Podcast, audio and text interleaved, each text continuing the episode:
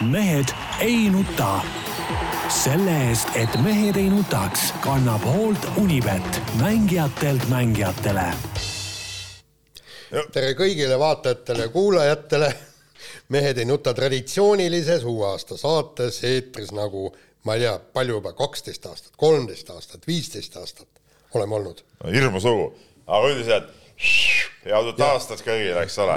ma mõtlesin ausalt öeldes, et sa oskad paremini vilistada. ei, ma siin ei saanud, ma oleks kõvemini vilistanud, oleks äh, aparaadist ümber kukkunud ja prožektorid laest alla. ja kusjuures Peep päästis praegu ennast välja, ta lubas siia tuua tuled ja viled ja paugutid ja, ja, ja kõik, mis asjad. ei, ma ei lubanud, ma ütlesin, et ma pidin kaasa võtma no., aga, aga pidin niimoodi ruttama saatesse, et jäid, jäid maha, aga, aga ma ütlen, et siin, siin me ütleme, pöörame praegu äh, selle kriitikanoole muidugi Delfi tegevtoimetaja Tarmo Paju suunas et ta ei ole suutnud siia, ütleme, meie saatemeeskonnale esiteks šampanjat äh, uue aasta puhul lauale orgunnida, pluss ei ole meil peas neid mingeid äh, torbikmütsikesi, ei ole meil neid paber, pabervilesid, mida puhud niimoodi välja, isegi siukest mini ilutulestikku, vaata, et siin nagu tuld ei saa lasta, oleks pidanud olema see, et, et teeb paugu ja siis need paberlitrikesed lendavad laiali nagu, et noh, mitte midagi nagu ei ole. No,. mina vastupidi suunan selle teravik, teraviku Peep sulle tagasi, enne kui me tulime siia stuudiosse, just loetud minutid olin ma tunnistajaks telefonikõnele, kus äh, mees helistas mingisugusele varustajale, kes äh, varustas teda siis kalamarjaga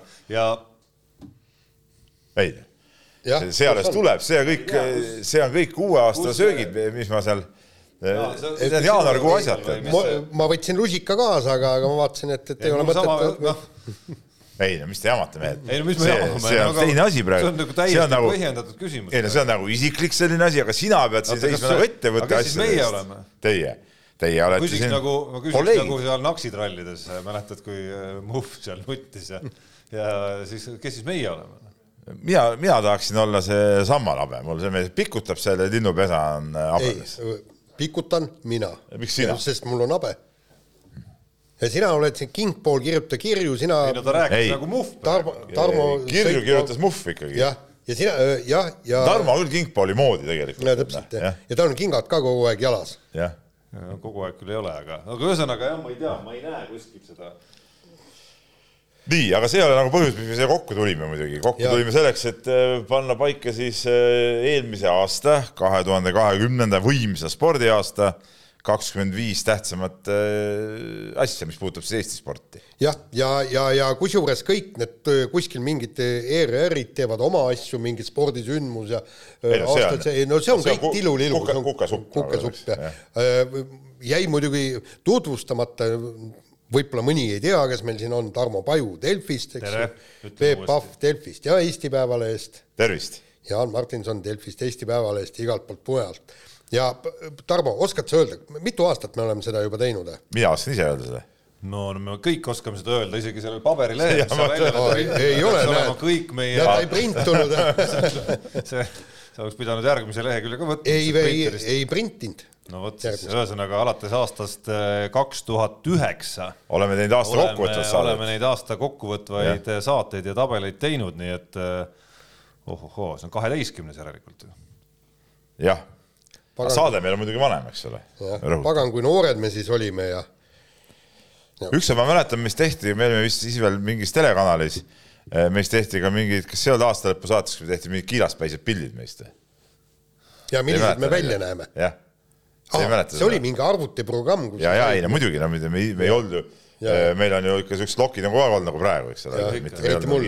jah, jah et, et aga, aga siuksed pildid nagu olid, mina olin seal muidugi ainsana, nägin ka kiilana ilus välja. ja ei las see jääda kõlama, selles mõttes, aga vaata need asjad, mis sa ütled üldiselt nagu enamik asju, mis sa ütled, need ongi siuksed, et nii on. et see lause, need sõnad, need tähed, häälikud, need kõlavad. kõik kannavad nagu hästi. Need kannavad väga hästi, onju, ja, ja, ja seal ei olegi kunagi ühtegi kohta, kus tasuks nagu midagi reageerida, et noh. siin ei olegi midagi reageerida. ei olegi, noh, kõik on, vaatad nende suurte silmade, siniste roheliste silmade sisse ja. nagu öeldakse, fakt jääb faktiks. ja fakt jääb faktiks lihtsalt, jah, nii on, jah nii, aga hakkame nüüd tabeliga minema. no ega me tabeliga veel ju minema ei saa hakata, et Aa. tasuks võib-olla meenutada siiski sissejuhatuseks, mismoodi läbi aastate on need esikohad siin jagunenud, võib-olla teeme selle ja, osa siin sissejuhatuseks ära, sellise David Vsevjovliku sellise nagu äh, väikese põike. no suurmeistri tasemeni me ei, selle tasemeni me absoluutselt ei jõua, isegi kui kui äh, me kuidagi kooris teeksime, nii et meil nagu justkui seda väärikust ja aastaid kamba peal oleks rohkem turjal ja sellega paneks Vseviovile ära, siis äh, ikkagi vastu ei saa, aga käime need ikkagi üle, et äh, ma ei tea, kust otsast isegi minna, läheme värskemast otsast võib-olla hoopis. ei, ei, ei, ei, ikka vanast. no okei okay,, kaks tuhat üheksa, esimene meie hiljem siis traditsiooniks, järgmisel aastal juba traditsiooniks saanud top mille esimese rea hõivas üllatus-üllatus, mehed ei nuta, comeback Eesti meediamaastikule. ma küll ei mäleta, kus me comeback'i tegime, et me, ma ei mäleta, ma ei mäleta, et meil oleks nagu mingit pausigi olnud. ei, ei, no väike oli seal, väike oli jah. ja meid ju tõmmati sealt telest üle, kus see paus oli siis. mäletan, Toomas Lepp tahtis tulla isegi Kuku raadio stuudiosse veel oma selle telesaate jaoks ka filmima seda saadet, kas te ei mäleta seda või? oli küll. aga nüüd me oleme selleni jõudnud, vaata, Toomas Lepp, sa meid kuulad praegu siiamaani siis nüüd kõik on nii, nagu sina omal ajal mõtlesid, see tundus naeruväärne, et mis kaamerad raadiostuudios, aga nüüd on siin ümberringi üks, kaks, kolm, neli kaamerat, meil on äh, Rubilniku mees, eks ole, seal. Siis mingi vend näpib telefoni seal, kes nagu enda arust on ka mingi asjamees siin, noh, ütleme siin tegelinskeid on siin küllaga, eks ole, kell on meil stuudios ja, ja kõik asjad, eks ole, nii et selles suhtes oli kõva asi. kus meie liivakell jäi kunagi, kus telestuudios oli, kus me suutsime oma aega mingil määral piiritleda selle liivakellaga. vot kus see on, jah peaks selle kunagise toimetaja Marko Paloveri käest selle sisse nõudma, ma usun, et tema selle kõrvale pani, hoiab oma pensionivarade hulgast seda pensionisambana kunagi oksjonil maha müüa. aga kaks tuhat kümme kerkis meie tabeli eh, esireale Tanel Tein oma aktsioonidega Kaarsillal, ütleme väärika lahkumisetendusega. see on, see on kõigi aegade kõige vingem ja kõige parem lahkumisetendus, kui inimene läheb noh, võib-olla tarvitas ta joovastavaid jooke, võib-olla mitte, seda ma ei tea, ja jäi Kaarsillale ma magama ja toodi sealt alla. minu meelest täiesti stiilne. aga miks ka mitte, miks ka mitte? ei, absoluutselt, ma tahaks näha ük, ükstapuha, kus sportlane Eestis väljamaal, kes sama stiilselt suudaks oma karjääri lõpetada. ja mul, mul kusjuures ma midagi ei saa öelda, ma usun, et kuna asjast on möödunud juba kümmekond aastate peale, siis siis eh, Tanelil endal ei ole ka paha meel, kui seda siin meenutada, aga mul jääb elu lõpuni ilmselt meelde ikkagi. Ja ma olen seda, olen seda mõned korrad nii-öelda professionaalses eh, elus veel isegi nagu eeskujuks toonud, ma olin nimelt suhteliselt lähedal kõrval, kui Õhtulehe reporter toona siis seda lugu kirjutas, selline vihje tuli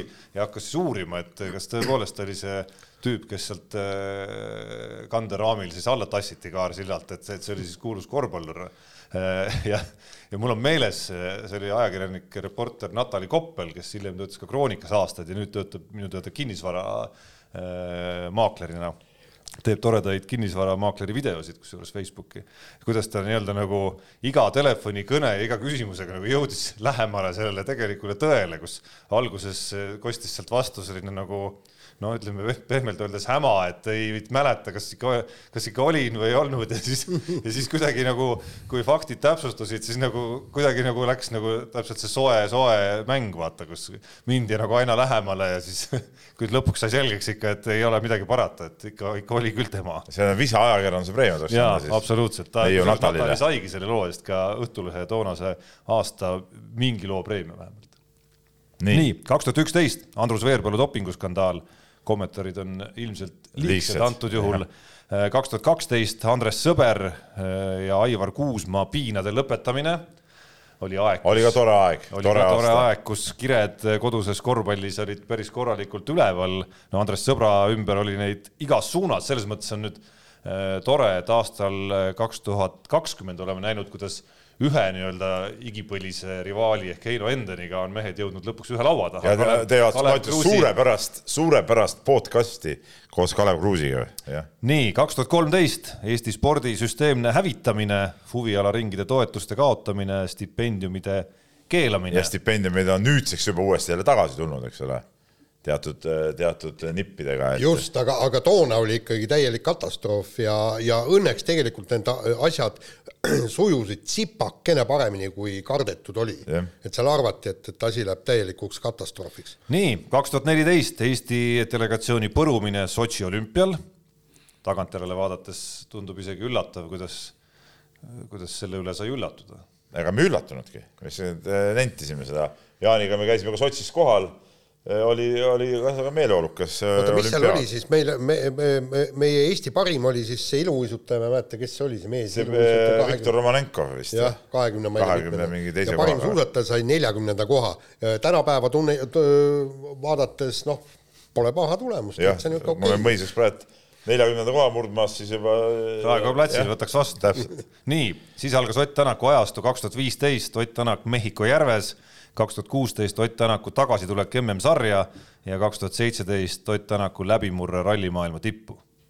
no mis siin pole ka midagi rääkida, kolmekordne võitja, ainus mees, ütleme mees teiselt planeedilt siis ütleme selles arvestuses. ja noh, saates, kus kolmest osalisest kaks on ikkagi läbi ja lõhki rallipeded, siis äh, ei ole midagi teha. Tänak ruulib. ei maksa siin meie kraesse nüüd seda asja keerata. ei, mis kraesse, see ei ole üldse nagu halb ju. ja kaks tuhat kaheksateist Team Estonia käivitumine, aga esialgu kõigest sümboolselt no,. ega ta nagu päriselt käima ei ole minu arust läinudki, noh, see on ikka sihuke, see on ikkagi sihuke tinglik, see Team Estonia. no praegu on tinglik, aga, aga ma loodan, et ta ikka muutub kõik oma. no me, me oleme lootnud, Jaan, äh, seda aastaid ja aastaid oleme rääkinud nagu, nagu kõik asjad siin Eestis käivad nagu, kukesammul, üks kukesamm edasi ja kaks äh, kängurhüpet tagasi. jah, nagu vaktsineerimisega. ja tead, tead, mis mind äh, häirib, nüüd oli jälle paar päeva tagasi, keegi tuleb siin tänaval vastu ja tal on siis, tähendab, Eesti olümpiakoondise jope on seljas, eks. inimene, keda ma absoluutselt ei tunne, tähendab, see ongi mingisugune fänn, mingisugune sponsor, just, just ei, ei tohiks olla. ei tohiks. ei tohiks olla minu arust ka. ei, absoluutselt. see on ikkagi koonduse värk peab olema ainult koondise liikmetele. just täpselt. ei see... ole nii, et sina, mina või, või no siin, ma ei tea, Rubinniku mees, eks ole, tulevad siin Eesti, Eesti dress seljas, no mis asja. sa oled esindanud Eestit või? aga ma küsin teistpidi, kas äh, Michael Jordani Chicago Bullsi number kakskümmend kolm särgiga võib käia. vaata, Chicago Bulls ei ole püha asi. No, see on klubi. Eesti olümpiakoondise fänn. oot, oot, ära nüüd vaidle vahele. see Chicago Bulls on üks klubi üks business plaan, eks ole, kõik need asjad. kas Eesti korvpallikoondise või jalgpallikoondise särgis võib fänn käia? ei. ei või või? Eesti koondis, ainult koondised, see on nagu, see on ekstra staatus, et sa saad seda selga tõmmata. aga kui iga mees saab poest seda osta, oma nime peale kleepida, siis ringi jalutada, mis, mis ekstra staatus seal enam on? no just täpselt. täielik lollus. selge jah, kaks tuhat üheksateist aasta tagasi ei olnud mingit kahtlust esikohas Seefeldi äh, maailmameistrivõistluste dopinguskandaal. ja, ja see muuseas näitab ära see aluset, kui alusetu oli eh, Tarmo Paju süüdistus siin mingi rallipedede suunas ja nii edasi, sest et aastal, kui Ott Tänak tuli maailmameistriks, ei olnud esimene. et me oleme selles suhtes, mina ja Jaan Martinson oleme Eesti kõige objektiivsemad spordižurnalistid, see on nagu selge. vot see näitab ära tegelikult praegu, professionaalsuse, ütleme nii. jah aga ongi nii. ei, nagu ma ütlesin saate algul, siin on ainult noogutada, noogutada ja öelda jah. nii on. nii, aga meie saate ülesehitus esimesel jaanuaril püsib ikkagi paigas, mingeid traditsioone me ei murra, nii et aasta kaks tuhat kakskümmend eh, Eesti spordi top kakskümmend viis ootab meid ees. et nüüd, kui viisteist minutit on saade kestnud, siis hakkame jõudma tabelini nii.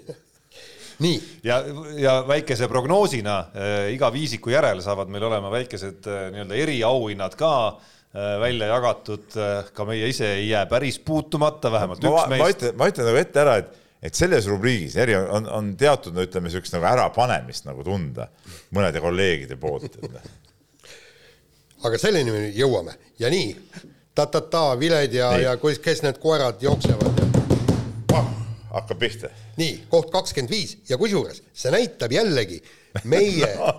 Kui head me oleme ei, ei mitte seda, kui head me oleme, see näitab seda, et kuidas meie Peebuga suudame ennast maha suruda Tarmo Paju nii-öelda auks ja hüvanguks ja. ja tema soove täita. sellepärast, et meie oleksime raudselt selle kahekümne viienda sündmuse pannud esimeseks. sest nii oligi tegelikult. sest nii oligi, aga, aga Tarmo Paju ütles, et see ikkagi ei kõlba ja ta-ta-ta-ta. võlts, võltsvagasus lõi jälle välja. just täpselt, et meie oleme ikkagi noh, ütleme nagu no,. me nagu oskame enda väärtust nagu hinnata. Just täpselt, nii kahekümne viies koht. Te olete nagu need äh, spordimehed siin nagu korvpalliliigas, ma tean aja, läbi aja, Peep, sa tunned ka kindlasti neid, kes on noh, tulnud näiteks äh, välismaalt koolist tagasi näiteks ja siis on äh, noh, kolmkümmend tuhat palka saanud. väga hea lepingu rääkinud endale välja, et, et ikkagi tuleb ise olla oma kõige suurem reklaamimees. no mul on õppida seda teilt. et ma ikkagi Nii. jäin selle tagasihoidliku tooni juurde, et paneme selle sündmuse kahekümne viiendaks. kahekümne viies koht, mehed ei nuta trio legendaarne ja ülivinge võit äh, hokiturniirile. no triumf, see on ikka triumf. ja, ja kusjuures vastu me, me võitsime ju... olümpiapronksi. jaa, absoluutselt, noh. olümpiapronks, siis seal olid äh, mingisugused teise telekanali äh, enda arust nagu tippkommentaatorid siin, Kalev Kruusid ja Toomas Varad ja ja, ja ma ei tea, mis, mis igast mehed, aga mitte kellestki vastast ei olnud, tähendab äh, kindlad võidud, kaks äh, kindlat võitu turniiril, no seal teised ei julgenud välja tullagi, seal oligi ainult ju ju kolm satsi oligi, eks ole. neli satsi. neli satsi, neli satsi, jah. ja finaal. ja kaks mängu, et poolfinaalis äh, purustasime vastased ja finaalis siis vist üks-null võitsime. noh, siin ei ole vaja pikalt kommenteerida, kelle väravast muidugi. ja aga no samas. mõlemad mängud ei olnud üks-null ja mõlemad mängud olid, ja aga, aga noh, te muidugi saate aru, tänu kellele see võit tuli, eks, et üks mees seisis väravas, äh, sellepärast et ta ei suutnud nende uiskudega väga palju eriti liikuda, jalad olid kanged ja, ja kaks nulli mängu see on palju parem kui Tretjak, mäletad, Mõškin kunagi ja, mängis. Mõškin tegi Kanada vastu just, just kuus-null ja Nõukogude Liit võitis. ja, ja siis no. kanadalased tulid ja võtsid võtsid maski ära ja, ja vaatasid, et, et kes see inimene on, see maski all. ja nüüd tuli ka Levandi võttis, kiskus ja Martinson oli prillid eest, et kas see on inimene Just, või mingi masin. sellepärast, et põhimõtteliselt eh, noh, ta oleks. kuule, see on nagu, mulle meenub ikkagi eh, seda kõike kuulates praegu kunagi sellist Sydney olümpiaraamatusse kirjutatud eh, pealkiri, see käis Vince Carteri kohta pooleldi inimene, pooleldi hämmastav no,. jah, noh, aga nii oligi. see minu värav oli ka pooleldi hämmastav. ära hakka nüüd. pooleldi, ütleme, filigraanne lihtsalt see tuli kuskilt litter, eks ole. kust see tuli, räägi ka. see tuli, no Tarmo niisugune ebaõnnestunud sööt, see põrkas seal vastaste keppide vahel, aga, aga ma olin jaol nagu õige mees kunagi ja efektse randmeliigutusega. ja kust see litter üldse minu kätte sai? sinised jooned randmeliigutusega täpselt üles ristnurka. täpselt üles üheksasse. kust see litter mu kätte sai? Mäletad ka? no see ei ole, see ei ole, see ei ole. ei, ma jääks parem ikkagi selle versiooni juurde, Peep, sa rikkusid selle ära, ma juba rõõmustasin, et ma olin valmis nagu haarama ohjad, võtma ohjasid üle Jaanilt, et et noh, tegelikult kõik saavad aru, et, et mina olin selle võidu äh, peapõhjusega, kuna see jutt läks nii ilusasse nagu rööpasse juba, et okei okay,, las jääda, Jaan pooleldi inimene, pooleldi hämmastav, võrdlused Tretjaki ja kõigega, et las see jäädagi nii, aga ei, Peep ei pidanud vastu, ikka oli vaja enda väravast ei no kuule, nagu loomulikult, kui see lihtsalt kõik highlight'id ja keegi ei näinud, kust see liter mulle tuli, kõik highlight'id, mis üle maailma meedia laiali läksid, oli lihtsalt see efektne vise ja see, see kõlks, mis käis, kui te jatkas sealt taha sinna tagu sees olevasse posti nagu veel. no ainus, millest tagantjärele on kahju, mul on meeles ka see intervjuu, mille me andsime Kalev Kruusile pärast seda suurepärast triumfi. küll Kalev Kruus oli kibe seal, need küsimused esitas, see kaotas kibeduse. siis ma mäletan, et jutuks oli ka see, et noh, esiteks olümpia-aasta oli tulemas, et mida kõike on veel oodata meilt ja. või oleks olnud oodata sellel aastal, aga aga kahjuks tuli koroona peale, nii et, et meil jäid tegelikult veel nagu päris suured asjad tegemata. jah. no me ootasime lepinguid ka, aga noh, noh tead. liigad läksid kinni ju. jah, no täpselt. KHL mängis küll oma mänge täitsa korralikult. ei, nad äh, läksid ka kinni lõpuks. üldse ei mänginud enam? ei, no.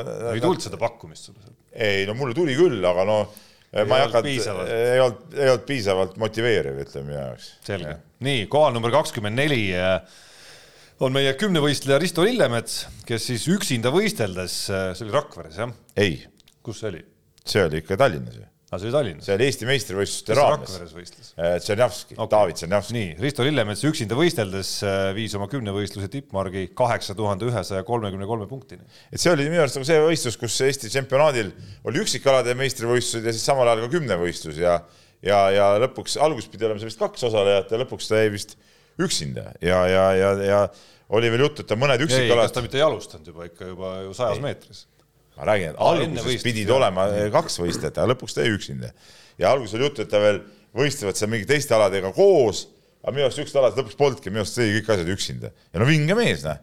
kaheksakümmend üks ja kolmkümmend kolm punkti üksinda tehes. no olgem ausad, et kogu aeg ju kostab mingisugune viriin, et, et et noh, et siin on kehv võistelda Eestis, et kuna neid osalejaid on sedavõrd vähe, et need katsed tulevad kiiresti peale ja ta-ta-ta-ta-ta, eks Lillemetsal ei olnud mingit probleemi. ei olnud probleemi jah. ja tegelikult ega sama kiiduväärt ongi sama see David Sarnavski, see Rakvere võistluse eh, tulemus, kuigi seal olid mõned konkurendid veel, aga ütleme, need konkurendid olid tasemelt ikkagi temaga võrreldes ikka suht, suht madalal tasemel, seal alguses eh, veel oli mingeid võistlusmomente ja lõpuks ta ka sisuliselt üksinda möllas ära, tegi ka üle kaheksa tuhande. kuule, aga kas siit ei saaks mingisugune uus nii-öelda teemantliiga formaat, et mitte kutsuda kaheksa paremat, vaid ainult üks parem. oota äh,, jaa, et siis ei ole tarvis ka seda, seda lollust teha, et äh, lõpus viimase katse eel nullime ära ja hüppame mm. -hmm. et see üks ongi, see üks, üks võistleb, võistleb nagu iseendaga, et seal võib-olla pannakse siis välja mingisugune resultaat, et näiteks kaugushüppes kaheksa, nelikümmend ja sul on kuus katset, hüppad ära, saad selle teemanti kätte, ei hüppa ära, ei saa, aitäh, maksa peale, et said tulla ja ongi kõik. ja kusjuures kümne tuhande meetri jooks pannakse see roheline joon jooksma ja kui saad sellest rohelisest joonest mööda, oled võitnud. ei saa, siis ei ole jah. nii, nii, aga nüüd koht number kakskümmend kolm ja noh, see on nüüd, ma ütlen kohe ära, see on Tarmo soolopunkt siin tegelikult. tema tahtis seda saada, nimetas ennast siin suureks suusameheks ja asjatundjaks ja nii edasi, et siis Tartu maratonist ja kogu see, kogu kodusest suusatalvest ei saanudki asja. lund lihtsalt ei olnud. ei, aga mina ütleme, mina olen sellega ikkagi nõus. ei, mina ütleks nii, et kes tahtis, see suusatas küll. oota, vaata, kas või rullsuuskadega. jaa, aga, aga see ongi tegelikult see pagana õnnetus, et, et meil need lapsed, kes tulevad suusatrenni, ma ju rääkisin nende suusatreeneritega, lapsed tulevad suusatrenni ja nad põhimõtteliselt talve jooksul ei saagi suuski alla panna, ainult rullsuusad jooksa, jooksevad kõik nii, ütleme niimoodi, et, et need koondiskandidaadid, klubi paremik, nemad saavad veel Soomes kuskil käia ei no okei okay,, ja kindlasti Audentese Otepääl olevad suusatajad on, ka saavad seal Otepää rajal kümne, üheteist, kaheteist, kolmeteist aastast. aga noh, ja pluss me räägime nagu noh, ma ei nimeta ennast eh, erinevalt Peebu väitest siiski suureks suusameheks, aga tõesti noh, meiesugused eh, veel vanemad, nooremad mehed, naised, mis iganes, et ma, ma pean, ma ei saa siin korrutamata jätta, et kui ma siin paar-kolm talve tagasi endale nagu lõpuks ometi ühed korralikud suusad soetasin, siis, siis see nagu suusavaimustus, mis kuskil lapsepõlves oli ju täiesti olemas, tuli nagu täiesti uuel kujul tegelikult tagasi, et siin paar nädalat tagasi Otepääl äh, sai õnneks see aasta esimene ring ära tehtud, aga sellest, et eelmisel aastal suuski alla ei saanudki, et oli paar-kolm päeva vist, kus siin meie äh, kraadil enam-vähem oli võimalik rada leida, noh, jäigi ära no,. ja väga-väga kurb sellest. lepime nüüd nii kokku, et muidugi korralikke suuski Tarmo Paul ei ole, sest et tal on teadupärast äh, uisusuusad. aga korralik suusatamine jaa, just klassika. täpselt. tähendab, õige suusatamine. õige suusatamine on klassika. kusjuures kas, kas ma siin ei mäletan valesti meie eilset juttu, minu arust sa ise ütlesid ka, et sul ei olegi on klassikasuuski,. ma ütlesin, et mul on, ma ütlesin, et mul on, aga ma ei ole neid ammu alla võtnud, ma ütlesin, et mul on mingi äh, viisteist aastat vana pidamismääre seal all, ma arvan, tead noh, jah. mis neist klassikasuuskadest seal kuuris sul kasvab?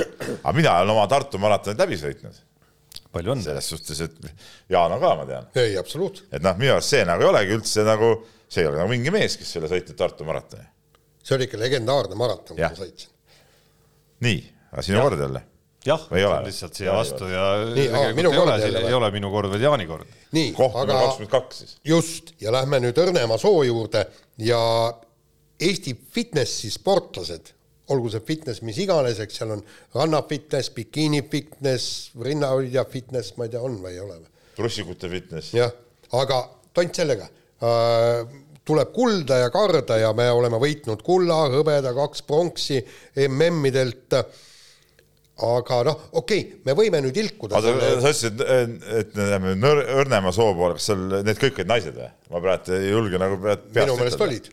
no fitnessi poole, pead küll ei anna, võime muidugi kontrollida. aga no Jaan Ei, niimoodi ei ütleme saa, kui Jaan no no,, Jaan niimoodi no sisse meid juhatas. loomulikult huvitab see pool. Aga tähendab, ega okei. okay., ütleme, oleks need neli medalit meeste võidetud, me ei oleks seda tabelisse ja siin aasta lõpus muuseas, mis meil on siit puudu, aasta lõpus siin enne jõule, praegust võttes juba tänast juba kaugel ajal, üks proua tuli ju veel ka mingi proffide eh, hõbedale, hõbedale, just, aga tähendab, okei. Okay,, tema saab näiteks ka praegusel keerulisel ajal jõusaalis üksi treenides, ta on proff. jah.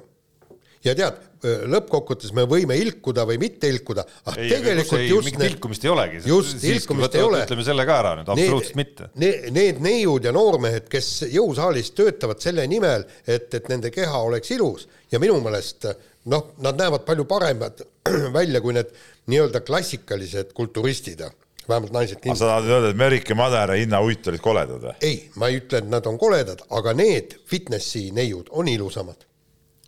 noh, pluss me räägime lõpuks, kuigi võib-olla vahel sa ei, ei taju seda niimoodi, me räägime lõpuks ju alast, kus võib-olla on harrastajaid, ma ei tea, võib-olla kõige rohkem isegi erinevate spordialade seas, et et see nii-öelda jõusaalis rühmatrennides kogu selles no maailmas kõige käimine, rohkem muidugi ei ole, selge see, et eh, sörkjooksjaid on ikkagi rohkem kui jõusaalis seal aga no neid on fakt on see, fakt on see, et neid on palju, mis tähendab, et ka kõik Tiia Kaared ja, ja, ja teised fitnessi ässad on nagu mingis mõttes ikkagi nagu väga olulise ja menuka ala tipuesindajad. ja selles mõttes just eriti kõvad. nii, kohal kakskümmend üks fanfaarid põrisevad, lõrisevad ja mida iganes. Paide linnameeskond eh, tegi ajalugu Eesti jalgpalli meistrivõistluste hõbemedaliga. no selles suhtes on vägev värk, et ma ütlen, et, et ikkagi niisugune väike linn, et eh, mida rohkem Tallinnast väljapool seda niisugust sporti on ja ka meeskonnasporti, seda, seda parem ja, ja see selles suhtes Paide hõbe on nagu eriti, eriti hea, hea näide, et, et et saab ka väljapool Tallinnat midagi teha, kuigi siin muidugi enne seda ütleme nagu täie tõsisusega seda võtta, kui see võistkond hakkabki nagu päriselt Paides olema, me oleme siin oma saates mitu korda rääkinud, see, et nad Tallinnas treenivad ja siis bussiga sõidavad umbes sinna mängima, et noh, see ei ole päris see. aga, aga noh, mingi alge on loodud vähemalt. ja aga, aga äh, nende peatreener oli see vist Zahho Vaiko, eks, äh, intervjuus kuskil kellelegi põhjendas väga hästi ära, et miks nad Tallinnas ja, ja kusjuures nad räägivad, et nad tahavad ise tegelikult väga seda Äh, meeskonda viiagi sinna Paidesse, ütleb kõik, kõik need juba need noortemeeskonnad ja kõik seal juba on tekkinud, neil ei ole infrastruktuuri, näiteks ütlesid, et meil ei ole nojah, aga mis see Pohlak siis, äh, Aivar Pohlak no, siis nüüd äh, mõtleb, eks ole, et et staadioneid ja asju keritakse igale poole, miks siis Paidesse ei saa ja, ja tegelikult Eesti hõbe. No.. minu meelest kellele veel kellele veel, kui mitte neile. kellele veel, kui mitte, kuigi teadupärast on nüüd ka ju valitsuse see neli halli aastas, jalgpallihalli aastas programm läks käima koalitsioonileppes sees. vestlesin siin enne aastavahetust ka kultuuriminister Tõnis Lukasega sellest. ta ütles, et jaa, et eh, me siin muud spordiinvesteeringud lükkasime palju tagasi, aga see asi läheb käima. sellest sai ka mõned päevad tagasi üks artikkel tehtud. aga, aga, aga, aga nüüd on jõuame ka selle juurde, ma tean, Florat meil siin vist nimekirjas ei ole, eks. Flora tegi ka ju suurepärase hooaja ja, ja, ja, ja nüüd läheb ikka kõvaks lahinguks, sellepärast et kui. mis lahingust sa nüüd räägid? Järgmine aasta Eesti meistrivõistlused, Flora Paide. tohoh. aa, Levadia ja Kalju jätad nagu mängust välja või? Sarko Vaiko ütles, järgmine eesmärk on kuld. ja, ja kui nii väike sats suudab üle mängida Flora, kes oli noh, tänavu ikka täiesti domineeriv, no vot siis on küll esimene koht meie edetabelis kindel. No ma, ma võib-olla esimese hooga siiski ütleks, et kui nad suudavad teist aastat järjest ükskõik millise medali saada. et siis on juba nagu väga hästi, et, et see Nõmme Kaljude ja, ja Levadia ja Flora kolmikust ükskõik kelle edestamine, ma arvan, ükskõik millisel aastal on kõva sõna, aga Zahovaiko puhul muidugi müts maha, et loomulikult eesmärgid peavad peabki olema, peabki olema eesmärk mitte lihtsalt jah. mõtlema, et noh, üritame nüüd iga aasta tiksuda kuidagi, seda enam, et eurosarja kohti on nüüd üks vähem Eestil, mis tähendab seda, et see latt nii-öelda nagu olemuslikult peab juba kõrgemal olema nii, aga nii, koht... enne ah., enne kui me läheme koha juurde kakskümmend, on meil esimene eriauhind välja. pärast seda ei pidanud olema? ei, vastupidi. ah nii. ja see esimene eriauhind läheb välja Magnus Kirdile, kes äh, suure õnnistusena ei pidanud sel aastal olümpiale minema ja, ja sai oma vigastuse ravimisega tegeleda ja loodetavasti on siis äh, see sümboolse süstle saab on siis tipptasemel äh, tagasi taas juba järgmisel aastal, aga ühe tiitli ta siiski sai. Õhtulehe naiskomisjon Tiina Jansoni, Anu Saagimi ja Kristiina Kuuse isikus valis ta Eestis seksikamaks sportlaseks, mille eest omakorda anname meie Magnusele ka aasta hurmuri tiitli. jah, seda küll, kuigi see valik, vaadates mul siin kõrval istuvat Jaan Martinsoni, kes on ikkagi ütleme, Eesti meister golfis endine, et miks, miks Jaan siis nagu ilma jäi? ei, aga sa oled, ei no seal on see asi, et, et seal on tegev, ei, see on tegevsportlaste, jaa, jaa. aga Kirt ei olnud tegev see aasta? Ei no ta on noh, põhimõtteliselt üleüldiselt nagu tegev, aga, aga ja, jah, ja minu meelest tegelikult, milleks meile nii suurt žüriid, minu, minu arvates Eesti kõige seksikam inimene üldse äh, on ju Anu Saagim ja tema lihtsalt ütleb, näpuga näitab, vot sina oled number üks, sina oled number kaks. sina tuled, sina tuled homme sina tuled ülehomme. jah ja siis ongi Peep selge. siiamaani ootab seda. seda viputust ei ole. ei ole seda näppu tulnud nagu mu peale. kuigi te olete koos ka veel ju tükk aega, aga ei. ka mina olen seal töötanud. ka Jaan, ka Jaan, eks ole, on, ütleme, sellepärast ongi Jaani need juuksed peast ära kukkunud, iga päev kitkub juukseid, et no ei saa, no ei saa kuidagi. kuidas siis nii läks? no ei tea, noh. Võib-olla ütleme, ma olen ikkagi nagu liiga kõrge, ütleme, ütleme siis, kuidas ma ütlen, liiga kõrge level isegi tema jaoks. see on ka võimalik. jah nii, jälle tõde on lastud sedapidi paista. nii, aga nüüd siis, kas võib öelda koht number kakskümmend või? võib. aitäh oli suur siis tippspordist loobumiste aastaga Eesti mõistes. loobumisest teadsid siis tennisemees Jürgen Sopp, kes on tegelikult kõva mees, esi, esisajas maailma tennises olnud. Tanel Leok, kolm MM-etappi motokrossis võitnud ja üllatus-üllatus, Aleksander Tammert, kes siis kergejõustiku aasta lõpugalal ka ütleme, toodi välja kui tippspordiga lõpetanud, et mina küll teadsin, et ta lõpetas mingi kümme aastat tagasi peaaegu, aga, aga noh, kui, kui ametlikult nüüd, siis nüüd. kusjuures kõige rohkem äh, pani mind nii-öelda üllatama, kui ma lugesin, et, et Leok lõpetab karjääris mul oli küll niisugune tunne, et, et see vend sõidab igavesti. no tähendab, ütleme nii kaua, kui tal, kui tal üldse noh, tähendab, kondid on tal niikuinii kogu aeg kõik katki olnud, aga aga siis, kui enam näiteks rangluusse enam neid plaate juurde panna ei saa, et, et kõik on juba metalli täis, et siis ta paratamatult peab lõpetama. noh, samas teistpidi, olles nüüd selle alaga mitte kõige rohkem kursis, viimastel aastatel tekkis ka vastupidist küsimust, et noh, kuulates Tanel Jaaki käekäiku uudistes, no reauudistes, et kuidas tal mingil etapil läinud on ja siis teades, et mingil hetkel on ta võitnud MM-etappe, on olnud seal ikka päris teravas tipus, et kui kaua jätkub siis äh, tahtmist seal kahekümnendate kohta. jaa, aga tema oli ju, ta tegi, ta testis ju teatud juppe ja asju, see oli tal ju palgatöö, pluss ta vedas seal ka seda oma seda tiimi ju noh, et, et ja sõitis selle eest ja, ja siin pole midagi, midagi paha öelda, et. ei, see ei olnudki paha midagi, lihtsalt äh, ühel hetkel ma usun, hakkasid tal ka tekkima need küsimused, et kaua on mõistlik siis seda nagu sõidu poolt seal teha. nojah, aga see tõi natuke võib-olla ka ka seda krõbisevat seda kalamarja, mida ja, me ilmselt ei näe ja, siin kuskil. ja, ja ma soovitan, kes ei ole lugenud, siis Tanel Leoki raamatut lugeda, väga hea lugemine, väga hea lugemine minu arust, et, et seda kiidame heaks aga näiteks jah, Gerd Kanter, tema ei ole lõpetanud ja tema on, tal on võimalus ju Kanteril jõuda. võimalik pääseda veel tegelikult Tokyo olümpiale, ta on täitsa seal valikus sees. et ja. kui ta natuke eh, viitsiks jälle ennast nagu liigutada, siis eh, oleks olümpiaatleet meil jälle olemas noh kas ta ei ole tõesti öelnud, et ta nagu, et ta tegi nüüd oma viimase heite, see ei, oli ta, terve, terve suur võistlus oli, oli ju, kus nii-öelda viimase heite võistlus. käisin ka Saku Suurhallis eh, tema karjääri lõpugalal kõik, aga tuletan meelde, et eh, pärast seda lõpugalat on ta korra tulnud Eesti meistriks, korra saanud Eesti meistrivõistlustel vist hõbeda see suvi, see aasta vist kaotas Just. Kupperile ja, ja tegelikult teoreetiliselt on ta jätkuvalt Tokyo olümpia valikutes sees seal. no selle loogika järgi ei ole Tiit Soku karjäär ka lõppenud, sest kuskil mingis veteranide liigas ta mängib veel.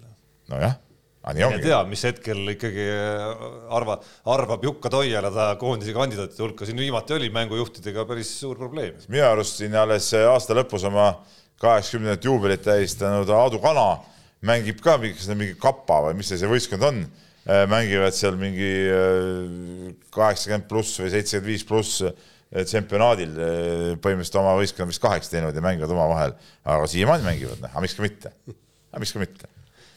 nii, koht number üheksateist, koht number üheksateist ja see on minu ette hõigata uh, üheksateist siin, selge. korv, ma ei näe väga, mul on see prillidega, vot nii. see on see ikka see vana aasta õhtu, joogid on siiamaani sees, nagu ütleb. nii, korv, korvpallurite pealetung, väljatung välisklubidesse Hispaania kõrgliigas, Saksamaal, Itaalias, NCAA-s ehk siis Ameerika üli, ülikooli korvpallurite seas on, on eestlasi. Ja tegelikult noh, jube kihvt on vaadata, eks me oleme siin tegelikult saates ka rääkinud, et et, et väga vinge on, kui, kui mehed lähevad nii kõvadesse klubidesse, liigadesse mängima, aga, aga nagu ma ütlen ka, suurt sära ikkagi ei ole.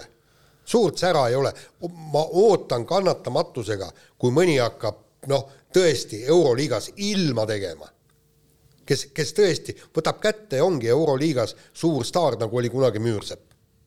No jaa, ega see on niimoodi, et ega no Tarmo siin ka, me enne saadet ka arutasime siin neid asju, et Maik-Kalev Kotsar Saksamaal jah, tõesti väga, väga hästi, ei ole midagi paha ütelda. No, ma segan korra vahele, et noh, kui me nüüd räägime sellest, mis nagu näppude vahele jäi, et me siin hooaja algul loetlesime ka üles siin kõik Raiested, Vened äh,, Jõesaared, Kotsarid, Trellid, Treierid, Kriisad, Tassid ja Kitsingud on ju, et noh, niisugust listi polegi sellisel hulgal sellistes liigades olnudki varem, aga et, et nüüd algab, räägime siis kaks-kolm kuud tagasi, algas siis see hetk, kus on näha siis, et kus suunas keegi liikuma hakkab, on ju, ja noh, siis aja jooksul olemegi näinud, kes on tulnud koju, kes on jäänud ikka nagu täiesti pingile, kes on äh, mingis rollis ikkagi olemas ja kes on suutnud tõusta siis äh, isegi nagu liidriks sellel tasemel nagu Maik-Kalev Kotsar. päris liider ta muidugi ei ole, aga no, ta on, ta on, ta on põhimees no,, põhimees. ma ütleks ikka, et ta on selle meeskonna liidrite seas. no, no mis on, liider saab olla ikka üks, nii aga ta on põhimees, tema kohta pole midagi ütelda, Siim-Sander Vene täiesti tase noh, kuigi on aga... natukene koos selle vigastusega, mis tal vahepeal ja. oli, on,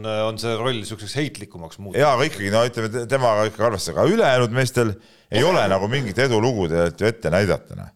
et no Raieste istub seal pingi peal, teeb seal nalja seal nende teiste, kellega koos ta seal istub no Trell... jama ei, ma täpsustan jama minu arust viimasel ajal ongi see, et äh, päris tihti istub ta seal ja, ja üksinda, pigem ja. nagu üksinda, okei okay,, tal on alati keegi kõrval, aga, aga, aga pahatihti kipub olema nii, et tema ja siis on seal üks kolmas tsenter veel, Illimane Diop, kes siis ja. kahekesi ei saa väljakule. jah, no ütleme, võtame edasi, Trell, Treier Itaalias siiski noh, sellised episoodilised tegelased ja sellega meil ühtlasi niimoodi kõrgliigade mehed ka piirduvad. Kitsing ka veel no Kitsing, no seal Leedus juba jah, et no ma mõtlesin praegu Euroopat rääkisin, Baltika on midagi muud. et, et äh, siis on juba Hispaania esiliigad, Saksa esiliigad, jah, seal on nagu vennad hästi mänginud, ei ole midagi öelda, aga see ei ole ikkagi nagu nüüd päris see, see tase, siis jah, Kitsing ka, kuigi ma kardan, et kui see treener Kairis sealt äh, ütleme, saab kinga, mis on nagu suht tõenäoline, et ta sealt saab, eks ole, mingi hetk siis see Kitsingu roll võib muutuda ka üsna väikseks, sest ta on puhas Kairise mängija. et noh, ütleme, tore on, et mehed on läinud välja, aga ütleme, niisugust suurt, suurt põnevat edulugu, ütleme, niisugust mahukat edulugu ei ole, et ütleme, on üksikud mehed. ja et noh, see üks potentsiaalne edulugu võiks seal kuskil olla taustal Kristjan Kullamäega, ta, tema otsus oli sellel hooajal ikkagi mängida Hispaania madalamas liigas, ehk siis jah, nagu sa ütlesid, see ei ole kõrgliigas säramine.